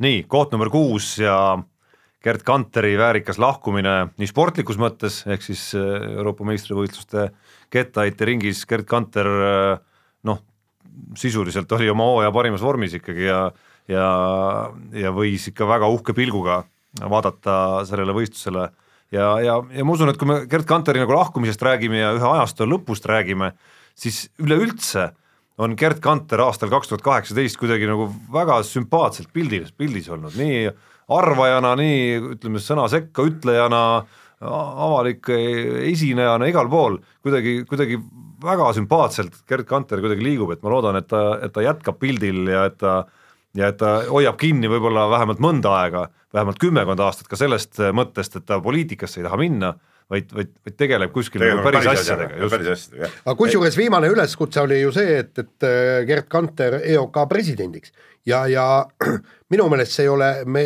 see ei ole halb mõte. vot See ongi see, vot see on jah, ei, see ei ole halb mõte jah, kas ta on veel küps selleks, kes teab, aga, aga, aga ei ole jah halb mõte, sest et vähemalt, vähemalt ta vaatab asju nagu spordimehe pilguga ja nagu siukse reaalse, kes on, ütleme selle asja kõik läbi teinud, noh ja, ja, ja tema kogemus on ikka meeletu. ja teine asi on see, et, et kui sa temaga räägid, noh, ütleme eelkõige sporditeemadel, eks, on ka ja ta jälgib ka laiemat sporti. ta jäl- jälgib, no praegu mängib ise ka korvpalli. kui sa, kui sa räägid temaga ka- kas sporditeemadel või spordipoliitilistel teemadel, siis inimene saab sellest aru, mida sa räägid et eh, kui, kui sa tood selle tippspordi ja kõik, kuidas seal on võib-olla toetused ja mida oleks vaja ja ja, ja räägid seal meditsiinist ja kõik sellest, et et, et ta on sulle vääriline partner, ta saab aru, ta tunneb seda teemat meeletult hästi. ega ajakirjanik tunneb ju ka seda küllaltki, kui sa oled ikkagi kolmkümmend aastat ajakirjanduses olnud, eks, nii. aga sa lähed meie spordijuhtide eh, juurde ja, ja, ja, ja teinekord on see, et, et sa, sa vestled nendega, nad ei saagi üldse aru, et, et milles on probleem ja millest sa üldse Martinsonile räägid, eks ju. noh, teine asi, minu ütleme Gerd Kanteriga suhtlemise ajad jäävad siin ütleme kuus ja rohkem aastat äh, nii-öelda kauge, kaugusesse, aga mida mina mäletan, oli see, et, et ta ka ise tundis huvi tegelikult kõige vastu, ka meediaasjade vastu, tundis alati nagu väga huvi ja, ja kusjuures väga nagu no kindlasti väga siirast huvi ja väga asjatundlikku huvi kogu aeg. ja kusjuures temaga intervjuule minnes alati need nii-öelda intervjuu välised jutud olid ka väga väga huvitavad. huvitavad jah. ja, ja, ja kusjuures eh, eks ta meilegi tõmbas aeg-ajalt mütsi ei pähe. absoluutselt, küll. eks tuli seal oli seal vaidlusi ka, aga ütleme, ma olen teinud temaga ka ju väga palju intervjuusid eh, peale tiitlivõistlusi ja asju, et et seal on nagu lahkhelisid ja asju ja üldse nagu siuksed äh, erinevaid vaateid olnud küll, aga ei kokkuvõttes muidugi. no ma ütlen, müts maha, kõva vend. ja aga, aga nüüd me no näeme, ikkagi seitsekümmend üheksa sünniaasta õige aasta vaata. aga, aga, aga nüüd me paraku näeme, mis seisus meie kergejõustik tegelikult on. sellepärast, et ma, ma olen ju kogu aeg rääkinud, et Gerd Kanter oli ju see, kes aastaid ja aastaid Eesti kergejõustikku tassis. No just. ja võtame me- nüüd need kõik üksteist medalit sealt eest ära ja siis me vaatame, et siit-sealt on ja täpselt näpuotsaga siit, näpuotsaga sealt, aga suurt mitte midagi. no annaks taevas, et Magnus Kirt oleks nüüd vääriline mantlipärija, kes hakkaks ka samamoodi igalt tiitlivõistluselt midagi tooma. noh, ma veel rohkem tegelikult unistaks, et see ei oleks ainult Magnus Kirt, et see on natukene see see pilt on natukene nukker ikkagi, kui see on ühe inimese keskne, et, et mulle rohkem meeldiks, isegi kui medalite üldarv on sama, et me, et need kuidagi nagu see seltskond oleks nagu mitmekesisem. no jaa, aga me, sa, saad aru, medalid tegelikult võidavad need, kes on tõesti noh, ütleme super andekad, kas, kas siis super töökad, super õnnelikud ja kõik nii ja, ja kes võtab, võidab ühe, see võidab tavaliselt teise, kolmanda, neljanda, need, need ikkagi on ja, ja loota, et meil sääraseid vendi Eesti kergejõustikus oleks kaks, kolm, neli või, või, või, või naisi. see paraku jah esiviisik, esiviisik, laseme fanfaari korraks. see oli rohkem nagu mingisugune põdrajahi meloodia äratus oli veel jahile. sa võiks jahile minna küll, ma kusjuures sattusin hiljuti vaatama äh, väga huvitav saade oli Jaak Mae ja Frode Estili ühisest äh, jahilkäigust, ma ei tea, kas keegi sa meelde tuletasid, ma nägin seda reklaami, tahtsin vaadata, ei vaadanud, aga mul kordus TV-st ilmselt võimalik seda vaadata veel. kindlasti on jah Jah. ja., seal oli, seal oli väga huvitav äh, kuju oli seal neil abis selles jahis. see oli üks äh, metsamees, kes äh, pidi olema vist üks kõvemaid hundijahi spetsialiste Ah. ja kelle nagu nii-öelda firma märk, kui nii saab öelda, kõige kõvem omadus pidi olema ka see, et ta oskab hundi ulgu niimoodi järgi teha, et hundid tõepoolest mõtlevad, et see ongi hunt, kes ulub. no mina oskan igast hääli teha, selles me ei kahtlegi. et, et mine tea, sa võiks ka proovida, võib-olla sul on seal, võib-olla rakend-, leitakse sulle ka rakendus seal jahil lõpuks kuskil. ometi ka mingi päris töö. kuulge muide, kui teleka peale läks isegi lõpuks ma vaatasin ka natuke telekat ja, ja mitte ainult AK uudiseid, vaatasin see Tunte äh, tahutud maa äh, dok-, dokfilm, see on ikka täg- tegelikult täiesti müstiline, mitte need loomad, kõik need on jälle tore, kuidas seal põdrad sugu tegid ja, ja kitsed sugu tegid ja kõik need on väga huvitavad kindlasti kaadrid, mida iga päev ei näe, eks, aga see Jaan, millest sa nüüd, oled sa kindel, et sa tahad seda juttu lõpuni Ei, rääkida või lähme äkki tead- koha juurde number ei, viis siis? tead, sa mässid see, ennast see sisse ei see loodus, mis on meil Eesti loodus ja sa, sa mõtled ja kas tõesti see, see on meil kuskil siin Eestimaal nii kaunis olemas, kõik need rabad kus ja, ta elab, ma ei saa aru. ei muide, ma alles käisin Va- kahekümne viiendal detsembril Pärnumaas ühes, ühes rabas matkamas natuke, sa Peep käisid ka? ma käisin kahekümne viiendal, ma käisin äh, Laulasmaa Lohusalu matkaring, seitse kilomeetrit. Tallinna. Jõelähtme marsruudilt vaatasin, kuidas Rusijää oli, kuidas olid äh, ei, metsad, eks tead, kui see on kõik, eks, eks ma olen ju ka kõike seal, ma olen ka rabamatkadel käinud, aga kui see on kõik kokku pakitud ühe tunni sisse, siis sa mõtled, et pagan, me ela-, me elame tegelikult kõige vägevamas kohas üldse maailmas. nii on, sellega peab absoluutselt nõustuma, koht number viis, meil on ka üks äh, vägevamaid äh, võrkpalle, kui vaadata, mis asendis või, või mis äh, tasemel on võrkpall maailmas eri riikides, siis Eestil pole häbeneda midagi. aasta kaks tuhat kaheksateist jäi meelde siis sellega, et võrkpalli meestekoondis võitis Euroopa kuldliiga, maailmaliigasse küll ei pääsenud aga seejärel kindlustas endale üsna varakult ära pääsme järgmisele EM-finaalturniirile ja nagu sellest kõigest veel vähe oleks, sellega me justkui oleme ju harjunud kõik, on ka Eesti naiste võrkpallikoondis äkitselt äh, EM-finaalturniiri konkurentsis, siin kohe aasta algul on tulemas äh, tähtsad hetked selles osas. ma ütleks nii, et selle võrkpallimeeskonna äh, kiitmisega ma enne ei tahaks ka edasi minna, kui nüüd tuleb äh, suvel või õigemini tegelikult sisust juba sügisel tuleb EM-finaalturniir ja siis äh, tahaks näha, et kas astutakse siis reaalselt ka lõpuks äh, ütleme nagu koha mõttes äh, või ütleme selles, kus maani nagu jõutakse turniiris äh, samm edasi või mitte, noh, see on nagu põhiline. ja aga Peep, vaata, vaata, kui, kui suur on see Eesti võrkpall, kui see EM-finaalturniirile, eriti nüüd või kakskümmend neli satsi on vist äh, nüüd, et see, see, see ongi noh, tähendab, see ei ole isegi mitte noh, see on nagu muuseas.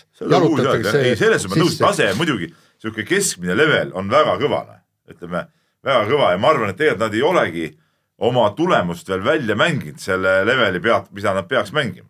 et nüüd Ja- tahaks nagu seda näha, et äh, siin võib anda igast parimaid tiitleid siin treeneritel ja jumal teab kellele, aga, aga tahaks näha, et selle taseme pealt tehtaks ka tasemele vastav tulemus. no või järgmised punktid, jätame selle Euroopa, ma ei tea, kuldliigad ja mis igast iga aasta vahetud nimed, jätame need nüüd kõrvale, need ei ole no nagu ma ütleks ka, et see, et nagu. õppevast aastast see EM-finaalturniiri nii-öelda kiire tagamine, pileti tagamine oli isegi võib-olla no mõnes mõttes siiski nagu isegi olulisem, kui see, kui see, kui see nagu selle, selle noh, pisut ma ei saa öelda veidra sarja, aga noh, oma süsteemi poolest ikkagi on see kõik natukene selline nagu, nagu kohmakas, ehk siis see, see kuldliiga võitmine. mis aga rõõmu teeb, on jah see naiste esiletõus. ütleme, meil naiste pallimängu äh, ei ole nagu noh, aastaid, aastaid, aastaid olnud nagu mitte mingil tasemel ja nüüd, nüüd see võrkpallinaiskond ikkagi on äh, reaalselt nagu Euroopa mõistes ka nagu mängus sees, et see, et leiti üldse võimalus see naiskond kokku panna, saata nad mängima ja seda asja tehakse nagu täie kõvadusega, vot see on, see on nagu äge. no see, kui me räägime nüüd kaks tuhat üheksateistkümnest, sellest finaalturniirist, siis see võiks olla üks suuremaid võimalusi. See, aga see ettevaatamine meil muidugi järgmise ja ma saan aru, aga noh, see võiks olla üks suuremaid võimalusi, me vaatame, mida, mida meie mehed klubi tasemel teevad, nad on teinud samme ülespoole, Robert Täht, Rene Teppan, Oliver Venno on endiselt veel täiesti noh No, ta justkui, justkui player koondises nagu ta, vaatame, et, et kuidagimoodi nagu noh, kas ta nüüd, kas ta nüüd on ikka nii kõva või ei ole, aga siis alati, kui läheb klubi juurde tagasi, siis mees teeb nagu noh, täiesti omaette maailmast mänge ikkagi. ei, aga nü- nüüd see aasta Ja- oli ta ka muidugi koondisest väga hea. jah, aga see ja, ja samal ajal ei ole veel ikkagi ütleme sealt alt ärakukkumist, ütleme vanemate osas ei ole ärakukkumist veel toimunud. võrkpallikoondises on sügavus, vaata kui keegi ei saa mängida, siin oli olukord ka, kus keegi oli vigastatud, siin ei saanud, et siis nagu mehed olid nagu olemas, kes ikkagi nagu mängisid, et see nagu ei jätnud nii suurt jälge et. noh, see hetk natukene, ma arvan, tekitab hirmu, et mis saab, kui Gert Toobalit ei ole. ja no see on, see on nagu põhiküsimus, aga noh, kaks tuhat üheksateist ta kindlasti on olemas ja seda muret ei pea veel tundma. noh, pluss, mida ma loodan ja, ja märgid viitavad, et kaks tuhat üheksateist on olemas, et nüüd ikkagi ka Marti Juhkamid ja Keit Pupartit ütleme, see aeg on läbi, kus, kus, kus mingite väga segaste asjaolude tõttu hakkavad nad koondisest eemale jääma, ei tea midagi. arvad, et jäävad? Ei oska öelda, pigem ma arvan, et no jah kui, kui, kui pea, jah, oli mille kohta? et pigem, et pigem jäävad või? et mina, ma ei näe, mina seda, siin on tekib juba see küsimus, et kui masinavärk töötab nagu hästi, et kas on mõtet sinna enam sisse no kas ta töötab hästi no,? ma ei tea no.. kui me ei ole näinud seda nagu unistatud Nojah, hüpet no ikkagi ma arvan, et ilma oma kõikide parimateta me ei näe ka seda. ütleme niimoodi, et, et sest ikkagi üks asi on võita see Euroopa kuldliiga ära ilma nende meesteta ja ilma oma kõikide paremateta, teine asi on teha see hüpe kuskile, ma ei tea, EM-i veerandfinaali. No põhimõtteliselt ongi kaheksa sekka ja, ja kui, kui seda tulemust ei tule, siis tuleks ikkagi mitte no rahuldavaks sinna. rääkinud ka medalist ikkagi. no jah, no just, seda enam. koht number neli, Magnus Kirt, maailma tipus, teemat liiga teine mees, ridamisi Eesti rekordi värskendamisi, natukene paremini mõõtes oleks kindlasti üheksakümmend ka välja mõõtnud kindlasti ja, ja krooniks muidugi Euroopa meistrivõistluste pronksmedal. no sellepärast ongi peaaegu tipus. Tipus on ikka siis, kui on üheksakümmend meetrit ja no, No- no. kus, kus see kirjas on? no olgem lihtsalt- ausad, Jaan, proovi väänata, kuidas sa tahad seda asja. maailma tipus Magnus Kirt CO kahtlemata oli. Oli läbi terve läbi terve hooaja väga stabiilselt püsis seal, et see oli nagu üllatav, üllatav, see üllatav oli, see oli, see oli minu jaoks selle spordiaasta võib-olla jah, tõesti isegi kõige suurem üllatus. et, et ta suutis, et ta läks sinna, no ütleme, jõudis sinna tippu või noh, tipu lähedal ta oli juba ka varem, eks ole, ja ta kinnistas ennast sinna nii, nii selgelt. sest oli ju periood, kus sakslased ei olnud eriti kõvad Jah. ja kogu aeg oli selline tunne, et no nii, nüüd peaks paratamatult juhtuma see, et sakslased tõusevad tiitlivõistluseks vormi ja meie mees kuidagi noh, nagu vajub ära, aga tegelikult läks vastupidi, Magnus Kirdi odakaared läksid pikemaks kogu aeg. no jaa, ütleme tiitlivõistlus muidugi natuke eh, Kirdil ikkagi vedas ka, et ta suutis ennast sakslaste vahele pressida selle ühe viskega sisuliselt, et, et eh, et noh, aga ei äh,, igati teenitud MM pronks, väga kõva asi ja, ja see teemant liiga äh, finaaletapi teine koht nagu, mis on ka nagu mõnes mõttes nagu tiitlivõistlus, eks ole. Noh, see on nagu MK-sari, ütleme. nagu MK-sarja nagu finaal, eks ole. et, et eh, see näitab ka ikkagi tema seda, seda väga-väga kõrget taset. tähendab, tundub, et praegusel hetkel on noh, tema keskmine tase on niisugune kaheksakümmend viis, kaheksakümmend kuus meetrit, ma pakuksin kuskil sinnamaale, eks ju. et äh, mis nüüd oleks vaja teha, kas, kas ühe aastaga teeb seda järgmist sammu? ei no vaata, nüüd kõigepealt on see küsimus, kas suudetakse ja kuidas suudetakse seda taset hoida, et minna Jah, sealt järgmise sammu peale, see on nagu võtmeküsimus. jaa, aga kui sa oled terve aasta küll on nagu nähtud neid siukseid viskajaid ka, kes mingi aasta on jube kõvad ja siis nagu vajuvad ära, noh. et seal on erinevad põhjused, et nüüd ongi see, et, et kui palju on seda tarkust ja oskust seda taset nagu hoida, see on nagu esimene võtmeküsimus. mitte tu- me mõtleme selle peale, kuidas nüüd kohe veel ja veel, veel edasi, vaid sellel tasemel kõigepealt püsimine ja siis sealtpealt on iga, iga võistlus see võimalus, et see oda lendab üheksakümmend meetrit. ja, ja kusjuures see järgmine tase tähend-, tähendakski tegelikult seda, et, et sa oled nagu kaheksakümmend kuus, kaheksakümmend seitse on su iga, nii-öelda igapäevane tulemus, eks. ja, ja, ja selle pealt siis korra laksata üheksakümmend üks, üheksakümmend kaks, eks, ja, ja hakata võitma öö, suuri võistlusi. no olgem ausad, sel aastal väga pikalt Magnus Kirdi tase oligi see, Jaan, mida sa kirjeldad tegelikult No ainus, mis võib-olla nüüd nagu sinu, sinu jaoks jäi puudu, oligi see, et, et ütleme siis palju, mitu sentimeetrit tal puudu jäi üheksakümnest meetrist, et need sentimeetrid oleks siis ka täis saanud. 25 ja, ja ma arvan, et siin ei oleks nagu üldse, üldse midagi rohkem öelda, selle aasta kohta vähemalt. nii, aga siis hakkavad trummid ka vaikselt põrisema ja fanfaar ka juurde, esikolmik hakkab tulema. ja kolmandal kohal meie viimase kolme aasta esikohamees Ott Tänak, uskumatu küll, alles kolmas, jah, no nii nagu MM-id. jah, midagi ei ole teha, pronks on Aga saanud jah, tänane, kuidas öeldakse, tänane norm on juba, ei vabandust, tänane nii-öelda eneseületus on juba homne norm. Jah, ja tänane rekord on juba homne norm, nii kõlas see, see ma arvan, käib sportlaste kohta, see käib ka meie äris tegelikult, et ühel nädalal teed lugejarekordi ja homme on see norm juba. jah, täpselt, jah. et jällegi jama, kui ei, ei saa täis seda enam., ja, ja Ott Tänak, mis seal salata, sama lugu ikkagi, nii et MM-i kolmas mees, aga ütleme, kui me räägime nüüd Ott Tänaku sellest kirjavast hooajast, kus ei ole küsimust üldse, kes on Eesti mitte ainult spordis, vaid üldse, üleüldse Eesti elus mees, kes on vallutanud äh, nagu avalikkuse tähelepanu kõige rohkem, mees, kelle ralliblogid siin, kui siin meie mõjukate projektidel sai kokku loetud, parematel nädalavahetustel said üle miljoni vaatamisi, mees, kelle uudised olid rallide ajal Delfi avalehel ja mitte ainult Delfi avalehel seal vallutamas esimest viite kohta ja mitte sellepärast, et kuidagi me oleks kõik mingid põrinate fännid, vaid sellepärast, et neid lihtsalt loetigi nii palju. et noh, see on, see on mõnes mõttes nagu pretsedenditu olukord, kus Ott Tänak on, teisalt ütleme, see, see õige siht alles, alles nagu on ikkagi vaja vallutada. ja absoluutselt, sest et noh, ütleme kaks aastat järjest kolmas, okei okay,, nüüd need võidud see aasta tulid ju tegelikult ja see vägev kolmene seeria, eks ole, Soome, Saksamaa, Türgi, need kolm võitu järjest, noh, see, see oli ju nagu see oli, see oli tegelikult see oli nagu, see oli nagu, ta oli nagu teiselt planeedilt. ja kui me räägime aasta spordihetkest Jah. minu arust, hetkest kui sellisest, siis ETV valis vist ja pakkus sinna välja Soome ralli võidu, siis minu arust aasta spordihetk ei, vastupidi, nad pakkusidki just selle kolme, just, nad pakkusidki just kolme No aga mäletan, minu arust võib-olla valesti. jah, mina just ütlen, et õige hetk oligi see Soome ralli võit tegelikult, et sealt hakkas kõik pihta, minu jaoks oli see, see Saksamaa, Türgi, see kõik on nagu noh, see on nagu tore, eks ole, ja see kolmene seeria tervikuna on nagu äge, aga ikkagi see Soome ralli võit oli ikka kõige kõvem Peep, jälle mina võtaks jällegi selle Türgi, sellepärast et see Türgi oli üldse naise koha peal, Jaan.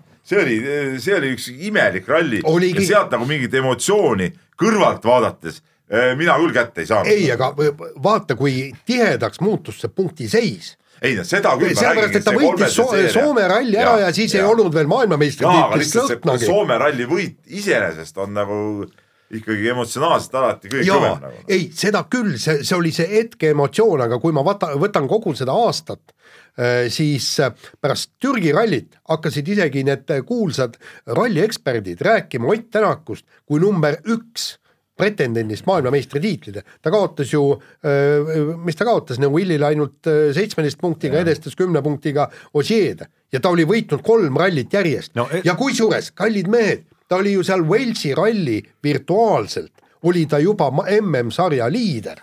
Ja siis pagan juhtus. Ja siis juhtus jälle. Ja vot sinna see tegelikult läks, sest ta oli ka, ta oli ka võitmas Walesi rallit ju. et äh, ETV jah, oli pannud just nimelt ka selle Türgi ralli ja kolmanda nagu võidu ja oma selle hetkede sekka, eks. ja noh, ma arvan, need argumendid on üsna sellised, mida, mida Jaan siin praegu ette luges, aga aga minu arust lähebki nagu hetkeks see üks periood ikkagi, kolm rallivõitu, seesama Wales sinna otsa ja lõpuks siis Ott Tänak seal teeservas äh, põhimõtteliselt pikutamas, ehk siis täiesti frustreerunult äh, kohas, kus ta oleks pidanud nii-öelda kerkima tiitlisoosikuks number üks jäi ta ikkagi nagu tagaajajaks, et, et see oli nagu vägev, ma nüüd jään, eksin võib-olla natukene, mis, kui pikk see periood oli seal nende nelja ralli vahel, aga see periood oli ikka mõnes mõttes nagu müstiline periood. Soome ralli oli äh,, hakkas äh,, see no põhimõtteliselt augusti esimesed päevad oli see. või, või juuli lõpp kuskil. ja ütleme seal, ütleme siis võtame august, september, no ütleme kaks pool kuud oli ta, oli ta kaks pool kuud oli ta ikkagi rallimaailma absoluutne et valitseja. see oli nagu selline periood, mida sa oled harjunud nägema autospordis, olgu ta vormel üks või, või WRC, nagu noh, hoopis teiste meeste esituses ikkagi, ma ei tea, Sebastian Loebid või Ožeed või, või mingitel aegadel Schumacherid või Vetterid, kus lihtsalt ongi üks mees nagu teistest üle kogu aeg.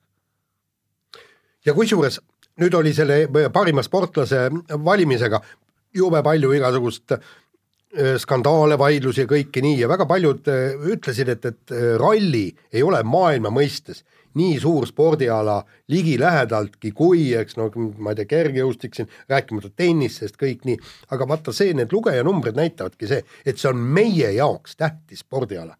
ja tegelikult ta on ka maailma mõistes piisavalt suur spordiala. No ta on ikka piisavalt suur, ma, ma arvan, maailmas on vähe alasid siin, mis võiksid hakata haukuma autoralliga, et see on kuidagi väike ala.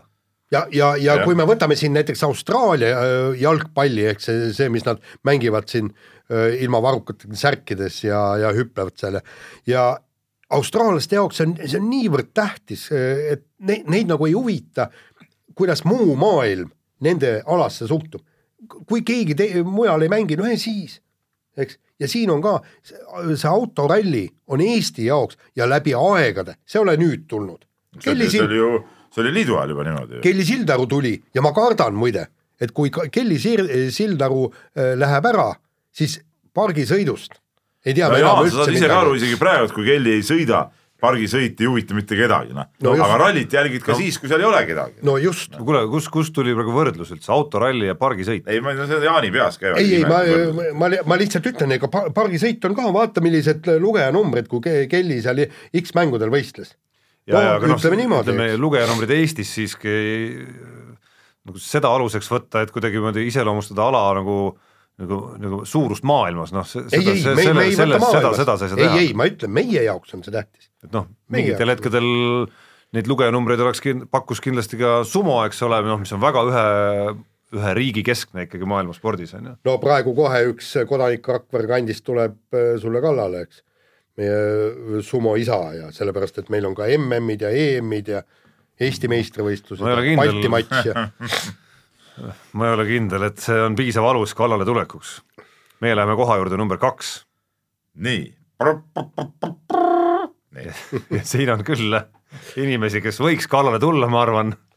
mängus number kahe juures ehk siis äh, Katrina Lehise triumf vehklemise Euroopa meistrivõistlustel äh, pärast kogu äh, eelnenud trianglit, kus ainult tänu tema ütleme siis, kuidas me ütleme, sõjakale treenerile, kompromissitule treenerile Helen Nelis-Naukasele ta pääses üldse läbi suurte skandaalide ja tülide Euroopa meistrivõistlustele see võit sinna otsa oli muidugi vägev kroon ja ütleme, see lugu on saanud ju tegelikult siin aasta lõpuski natukene jätku veel üsna värskelt, ehk siis aasta sportlaste valimisel lõpuks äh, mõlemad naised, nii, nii Katrina Lehis kui ka Helen Nelis-Naukas jäid mingil veidral moel ilma aasta tiitlitest. No see jah, ütleme kõigepealt hakkame nagu positiivse poole pealt pihta, et see Lehise võit oli, oli tegelikult nagu võimas, see, kuidas noh, okei okay,, üks asi kõik see kogu see eelnev triangel ja teine asi ka see EM ise, mismoodi ta seal äh, jõudis äh,, võitis see venelast, venelannat, eks ole, noh praktiliselt kaotatud matši, tead ka finaalis Kristina äh, Kuuse vastu oli ta ju või kaotus, jah. ja lõpuks ühe torkiga võitis, et noh, kõik see ja see hetk ise üldse, et me saime ikkagi eh, kolm me- kuld, hõbe ja pronks eh, EM-ilt eh, meie naised said, no see oli nagu, see oli nagu võimas asi, tead noh. ja, ja, ja siis selle krooniks tõesti see, see aastasportlaste hääletuse eh, lollus, mis, mis kõik nagu välja tuli sealt, kuidas, kuidas ei osata nagu hinnata seda, noh see, see oli nagu, see oli selle spordiaasta jälle teistpidi jälle üks sihuke kõige, kõige mustem hetk nagu. no ütleme niimoodi, et, et hea küll Kat-, Katrina Lehise puhul no seal, seal võib veel mingisugused väiksed argumendid olla, eks, et et, et mi, mi, mille pärast äh, Saskia Alusalu ettepoole ase, asetati, et see on olümpiamängud, neljas koht, ta-ta-ta, kõik muu, kuigi noh, ütleme niimoodi, et, et äh, spordiajakirjanikud ju andsid äh, oma väärilise hinnangu, kus panid pika-pika-pika puuga, panid Katrina Lehise esimeseks. aga kui me võtame nüüd selle treeneri valiku, meil spordialaliidud keegi siin äh, enne saadet ütles välja numbri. ei, mina ütlesin sulle, kuuskümmend kuus hääletajat oli spordiorganisatsioonide poolt ja, ja ma võin nüüd eksida, minu arust kas kakskümmend üks ainult panite esikolmikusse, neli panid esimeseks. no t- ma tahaks teada, kuulge, see on täitsa absurdne. kuulge, öelge, kas see mis kohaga mõeldakse? just täpselt, ja mis siis kohaga, ja siis needsamad kuramuse organisatsioonid panevad näiteks võistkondade arvestuses, sai kolmanda koha punktid ühelt, see oli Maaspordiliit Jõudilt, sai eh, mingi, mingi Jõud-noored. ma ei tea, mis asja, tõstis kuskil kangi võib-olla, ilmselt ma eeldan, eks ole. see oli mingi või, oli see tõstespordi oma poolt pandud, ma ei mäleta täpselt. või igatahes mingi, mingi sihuke noorte asi, no mingi täiesti absurdne asi tead näe. no kuidas see üldse võimalik on? see ja kuidas on võimalik jälle, ma, ma nagu sarjan natuke, mis näitab ka alaliitude nagu, nagu täiesti nagu mõtlematut tegutsemist. autospordiliidu, meil olid, me avaldasime kõik need, kes mida valis, eks ole. naiste arvestuses autospordiliit pani Julia Beljajeva kõrgemale kui äh, Katrina Lehise. no mis, mis kohaga, kuidas see võimalik on? kuidas see võimalik on? inimesed ei tunne üks sporti Euroopa üldse. meister, teine on Euroopa meistrivõistluste pronks. aga see on ju täiesti sporditundmus, aga siuksed tuleb ju hääletustulemus ära võtta või see õigus ära võtta, see on ju ebaadekvaatsus. pange oma lollusi seal rahvahääletusel, tehke, mis tahate seal, kui te, kui te tahate panna, aga alaliidud ei saa olla ebaadekvaatsed, noh. kusjuures noh, see on ju, see on täitsa häbiväärt. ma kujutan ette, kuidas see valimine käib tegelikult seal, et et noh, ma siin olin kriitiline eelmises saates ka spordiajakirjanike suhtes tegelikult ja kui ma pärast nägin veel neid individuaalseid hääletusi, siis tegelikult ka muutusin siis muutusin veel kriitilisemaks kuidas seal oli, leides esikohtadelt, ma ei tea, Ragnar Klavanit näiteks on ju ei no Rooba oli ka ju või. Robert Roovat ka, eks et äh, aga et mismoodi seal veel see äh, mismoodi seal veel see asi käib, et äh, ma kahtlustan, et enamikel juhtudel on see ikkagi üks inimene, kes noh, kes siis oma suva järgi hakkab neid panema. tuleb meelde midagi. ega, ega meil on alaliite, palju meil on üldse alaliite, kus on mingisugune suurem aparaat, et kergejõustikuliidus või jalgpalliliidus saavad inimesed arutada omavahel ja teha võib-olla mingit organisatsioonisisest väikest hääletust ja arutelu, aga noh, enamik alaliite ongi meil ühe-kaheinimesed lihtsalt ja, ja üllatav on see trend natukene, et alaliidud just sellel valimisel on olnud väga traditsioonilised ja väga kuidagi nagu tulemusest lähtuvad. et Katrina Lehis ja ka tema treener vastasid kuidagimoodi nagu kõikide kriteeriumitele. väga, väga sellele, kuidas varasematel aastatel ikkagi on äh, need sellele mustrile, kellele alaliidud on, on varasematel aastatel andnud kõrgeid kohti. et siin, siin tõesti vägisi kipub mõte sinna, et kas tõesti alaliidud, isegi Vehklemisliit oli hoolimata oma kõikidest erimeelsustest, oli Helen Nelis Naukase pannud esimeseks, kuigi ma skandaali huvides, sa Peep võid kinnitada, koosolekul nagu justkui natuke lootsin, et äkki sealt et ei ole. et äkki sealt ikkagi tuleb mingisugune ma mõtlesin, ma tol hetkel ei olnud välja, mul pärast tuli meelde, et Nelis Naukas valiti ka vehklemisliidu aastatreeneriks, et see oleks nagu imelikult. Jaa, aga, aga siin kumab kas, tõesti kumab läbi see, et, et, et kuidagimoodi see nagu selline nagu konfliktsus, kuigi see ei puuduta ühtegi teist alaliitu peale Vehklemisliidu, aga seda on väga paljud öelnud omavahel. et see kuidagimoodi sellest lasti mõjutada. et see mõjutas, aga, aga ega, ega isegi inimene pole isegi nagu peas soe, aga kui ta viib nagu sportlase nagu tippu, siis see ei vähenda tema väärtust ju treenerina. no minu silmis ma pean tunnistama. mitte teie nauksus, Nelis nauksus peas soe, ma siis noh, või no tõin see näite nagu, eks ole. ja no ütleme, mul on tunne niimoodi eemalt vaadates, et, et, et ta võib-olla ei ole nagu selline nagu minu inimene päris, Helen Nelis Naukas, aga see, kuidas ta kõike selle nagu läbi surus, läbi kivivee ja ma ei tea, mis asjade, minu silmis vastupidi, nagu veel nagu annab lisaväärtust selleks, et panna ta esimeseks antud aastal. ja Tarmo, siin kumab läbi ainuüksi kadedus. Need spordialaliidud, nad ei taha näha, et jällegi kaks Kristjanit läheb vehklejatele. vehklejad on ju iga aasta, ükskord väid- võideti ju äh, kolm Kristjanit neljast ju võideti. ja, ja, ja nad ei taha ju seda näha. Nad ise, vaesekesed, ei suuda mitte midagi teha. Nad on nagu junnid. ja see Võrreldes nagu ja siis teevad, vehklejatega. need junnid teevad kollektiivse kambaka, noh. no just no,, ja see on kanaga, kanakarja see oli kõva diagnoos praegu muidugi. junnide ja kanakarja kambakas, ütleme siis No, alaliitude hääletustulemuste kohta. jah, jah, nii, aga meil on jäänud ainult koht number üks, enne kui Peep saab pasunaid äh, ja fanfaare lõrisema panna on meil mõned eriauhinnad välja jagada. Ühe eriauhinna me võtsime siis saate algul juba endale. aga meil on mõned veel.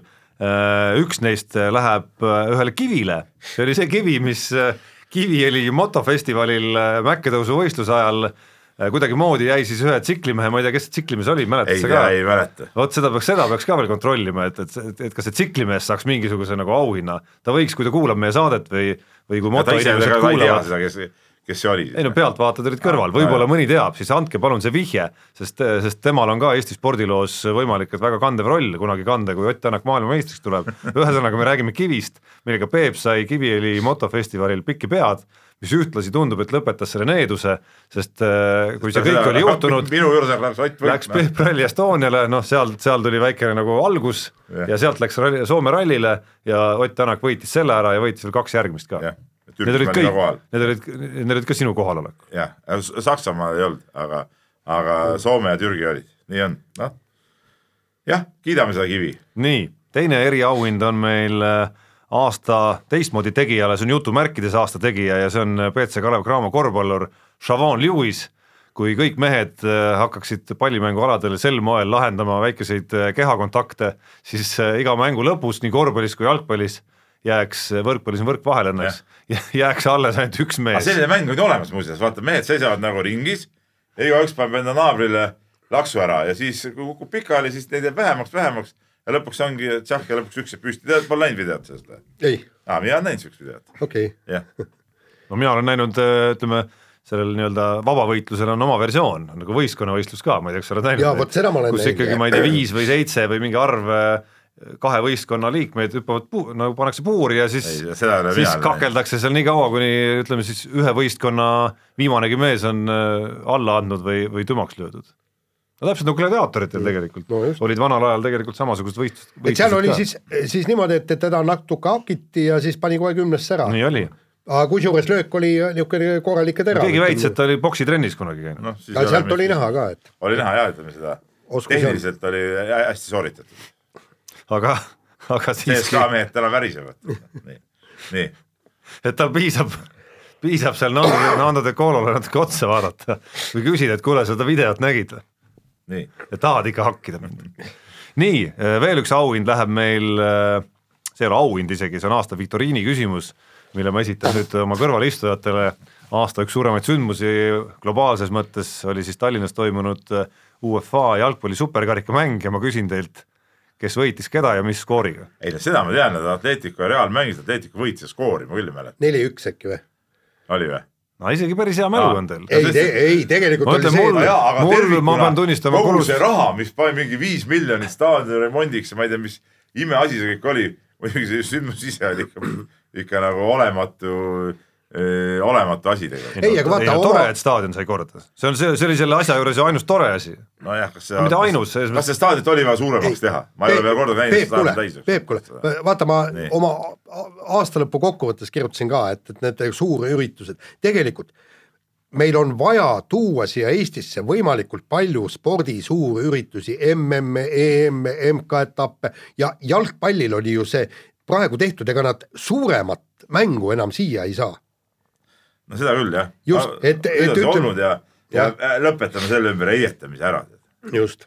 ja läheme edasi ja meil on eriauhind äh, aasta kõige järjekindlamate küsimuste esitajatele ja ka vastajale ja need küsimuste esitajad on Eesti spordiajakirjanikud ja mitte ainult spordiajakirjanikud ja vastajaks on Kristiina Šmigun-Vähi ja need küsimused on kõik puudutanud tema dopinguskandaali, mille kohta ühtegi vastust me ilmselt kunagi teada ei saa. siiski, siiski, viimases eh, Gunnar Leheste tehtud intervjuus videos seda ütles, et, et tegemist on eh, kakaga, mida ei tasu nagu torkida.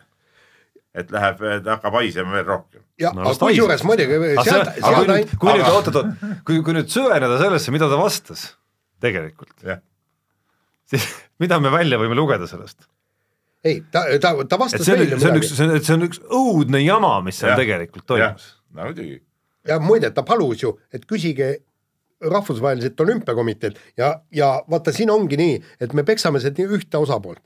rahvusvaheline olü- olümpiakomitee on teine osapool, kellel oleks tegelikult kohustus öelda, et kuulge jaa, nüüd aga, aga samal äh, Kristinal ka oleks võimalik ühe hetkega võtta see, see kaka labide peale minema visata ja asi korras. öö, Kristjan Port, meie antidopingu üks juhte, ütles ju väga selgelt, Kristiina ei saa rääkida no võib-olla seal on mingisugused öö, kohtu case'id, värgid, ei kõik no see võib talle rahaliselt kalliks maksma minna, vabalt võib minna, kui ta, kui on mingid sellised kokkulepped seal, aga Ja- ikkagi ma tahaks seda lauset vähemalt, et on siis mingi kokkulepe.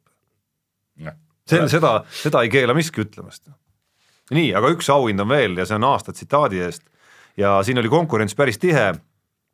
siin oli Kimi Raikkonenilt üks vägev tsitaat sellest, kuidas kõik on aeg-ajalt emmid ja ja üldiselt see käibki niimoodi, et äh, sind temmeldatakse selleks emmiks, kui sa midagi ütled, mis kellelegi ei meeldi, aga et tulebki öelda oma arvamust äh, alati välja, siis on siin, siin oli legendaarne Krista Lepiku tsitaat äh, taliolümpia ajal, mis rääkis sellest, kuidas tänapäeval ei olda harjunud kõvasti trenni tegema, aga aasta tsitaat number üheks valisime üsna sarnasel teemal lause Tõnu Hendriksonilt, meie legendaarselt sõudjalt, kes võttis siis kokku sõudjate põrumise Euroopa meistrivõistlustel lausega mehed, hakake trenni tegema. ja siia ei olegi midagi lisada, ütleme nii. ja absoluutselt see on nagu sulatõsi, nii. aga nüüd, kas nüüd võib lasta kõik, ütleme eh, vastavad. Kõik fanfaarid võid lasta välja puurist.. Trummid põrisevad, koerad lõrisevad, esikoht tuleb siit.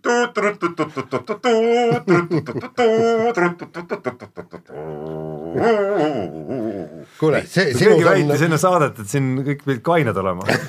kuule, aga, aga sinus on ikkagi talent äh, kaduma läinud, et sa oleksid vä- väga hea pasunapuu. ei no see rikkud ära sinu sissejuhatuse oma jutu, jutuga, nüüd peab tulema esikoht, et noh. milleks üldse on olemas need äh, metallist fanfaarid pasunad, saksofonid, ega ma ei teagi. See on. täitsa mõttetu, kas sa ei teegi sugu, ma mõtlesin, et see on nagu mingi see sihuke, kuidas ma ütlen, nagu, nagu lihtsalt asi nagu neil käes, aga teevad, teevad suuga sealt kõrvalt seda, et ei ole nii või? vist ei ole? Ahsoo, Eesti Kontsert, pange silm peale mehele, ühesõnaga koht number üks ja kohal number üks äh, asub meil äh, võimas uus tulija Eesti spordimaastikul nimega Team Estonia, mis päästab kõik Eesti spordihädad, Eesti tippspordihädad, olgem täpsed, aga mis, oota, mis, mis vist ei käivitu, sümboolselt sümboolselt käivitus. siiski. Ja, ja põhimõtteliselt eh, Team Estonia liikmed on siis kõik, kes saavad eh, A ja B kategooria seda toetust ja siis ka need nüüd, kes C-kategooria toetust tõusid, nüüd arvatakse ka need Team Estonia No aga ära tehti. aga tehti ära, asi, asi on olemas, pikalt räägiti, arutati, ka spordikongressil võeti vastu deklaratsioon, et seda on vaja, et seda on nagu, see on nagu, see on nagu kokkulepe, et meil on seda vaja ja siis ütleme, see nüüd käivituski niimoodi. no nagu ma saan aru, põhimõtteliselt sinna Team Estoniasse ei ole EOK leidnud mitte ühtegi senti ise juurde, sellepärast see miljon, millega nad hõiskavad, see oli Kultuuriministeeriumi poolt niikuinii ette nähtud EOK-le. nüüd lihtsalt võeti see ja suunati Team Estoniale sealt on siis kuskilt veelt võetakse spordialaliitudelt mingisugused summad ära ja kõik nii, et sisuliselt nagu riigilt ei ole spetsiaalselt Team Estonia jaoks raha ei olegi saadud no selles see küsimus ongi ju, no just, ainus küsimus. mi-, mis on sellel kõigil mõte, sellel, et me nüüd kuulutame selle välja Team Estoniaks? no ei olegi. no see on nagu ei no riik saab jah, äkki nüüd riik saab vaadata, et oot, aga polegi vaja raha juurde, et teil on tiim olemas ju. jah, ei no aga tehtud jälle suur töö, suur asi on tehtud, ütleme uue, mitte uue, vaid ütleme praeguse siis EOK juhtkonna poolt äh, käima lükatud, noh, miks ka mitte. vaata, ma, ma, ma nagu ei saa siin aru meie spordijuhtide mõtteviisist. kas nad seda ei jaga, et nad vastutavad Eesti tippspordi eest ja nad vastutavad selle eest, et meie sportlastel oleks täpselt samasugused tingimused nagu nende konkurentidel. see on teie töö luua. Te, te olete seal istunud aastaid, mõni rohkem, mõni vähem. aga neid tingimusi ei ole ju ja asi läheb kogu aeg hullemaks. seesama äh, Alusalu jookseb mööda olümpiat, olümpiakomitee ei tea, ei, ei, ei suuda org- organiseerida oma parimale sportlasele korralikku massaaži. Millega te, kallid spordijuhid, tegelete ja alates presidendist.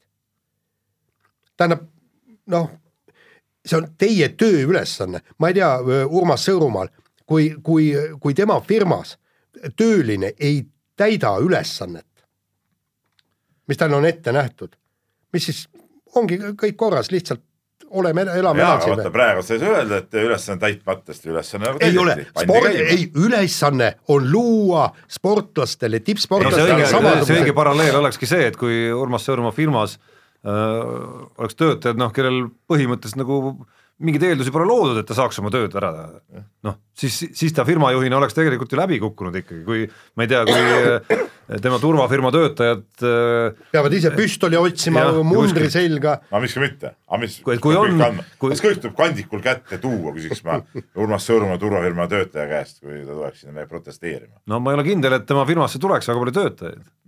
ja et tema ja tema ja et tema ettevõttel väga hästi läheks, kui, kui see niimoodi toimuks tema ettevõttes.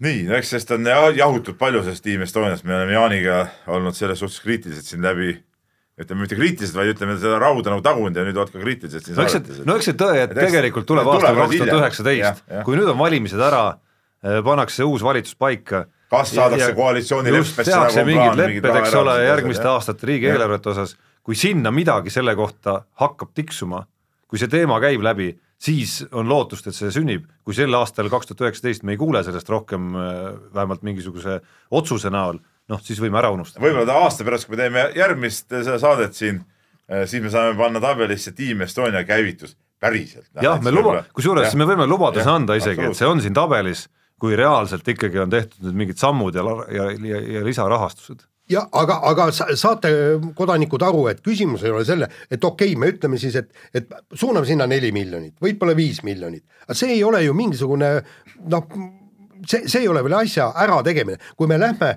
vaatame uurime, kuidas on Kevin Maiel ehk siis maailma parimal kümnevõistlejal, millised on tema tingimused, kuidas nei-, temal on treenerid, kuidas temal on füsiod, massöörid, psühholoogid, kes on vaja toitlustamine, kõik nii ja võtame, paneme Michael Uibo kõrvale, kas temal on täpselt samal tasemel? ja kui need tasemed on erinevad, siis ei ole ju tööd ära tehtud. töö on ära tehtud siis alles, kui Uibol on samad tingimused, Alusalul on samasugused tingimused, kõikidel meil sportlastel on samasugused tingimused nagu tipp, meie tippsportlastel on samad tingimused kui välismaa rivaalidel. selgelt mingi redel sinna jääb, kui sa oled maailma kahekümnes, no sa, no sa võib-olla peadki tõusma sealt natukene, natukene nagu sammhaaval, et sul ei olegi kohe maailma parima tingimusi siiski, et kui sa oled ma maailma räägin parim, oma tipp, sellepärast ma tõin, ma Aga- tõin olümpia neljanda, ma tõin öö, seitsmevõistluse kolmanda, tõin, et ikkagi maailma esikü-, esikümne öö, sportlastel või kes on selle esikümne piiri no sul mingid elementaarsed asjad peavad sul olemas olema ikkagi.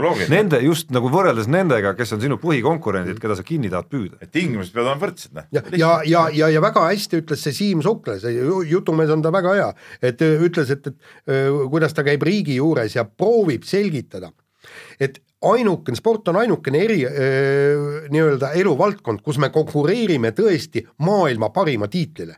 et ERR ei konkureeri ju BBC-ga. noh, ei ole nii, et samamoodi ei, ei konkureeri meie orkestrid Viini sümfoonikutega, eks ju. Neil ei ole omavahelist konkurentsi, nad kulgevad oma raha, rada pidi vastavalt nendele tingimustele, mis neile antakse, aga spordilt nõutakse, et tooge medalid, aga tingimused on kehvemad. nii, aeg kokku võtta, rohkem, sul on mingi lõpufanfaar on ka sul olemas või see, ah, või repertuaar või, või repertuaar ammendus. kuule, aga Anne Veskiga sa võiksid Nii. kõrvuti koos laulda siin lahedalt. ütleme, see oli, ütleme saate eetris oleku mõttes oli see juba ära, saate salvestuse mõttes see alles tuleb. Patune Pool pidi oma viimase esinemise tegema kolmekümne esimese õhtul, eks, et äh, äkki seal Sünne leiab sulle veel väikese väikese, väikese koha seal. ma tean, et see viimane esimene on, on Tallinnas minu teada neil, et ma loomulikult sel ajal Tallinnas ei ole, sest et ma ei ole mingi Tallinna mees. nii, aga nüüd, nüüd kehastume ümber äh, sellesse, et täna on siiski esimene jaanuar, jaa, uus aasta, soovime kõike head, sportlikut ka kindlasti. sümboolne säraküünal on meil käes praegu. ja järgmine teisipäev oleme me taas siin ja siis räägime juba uuest aastast. Mehed ei nuta.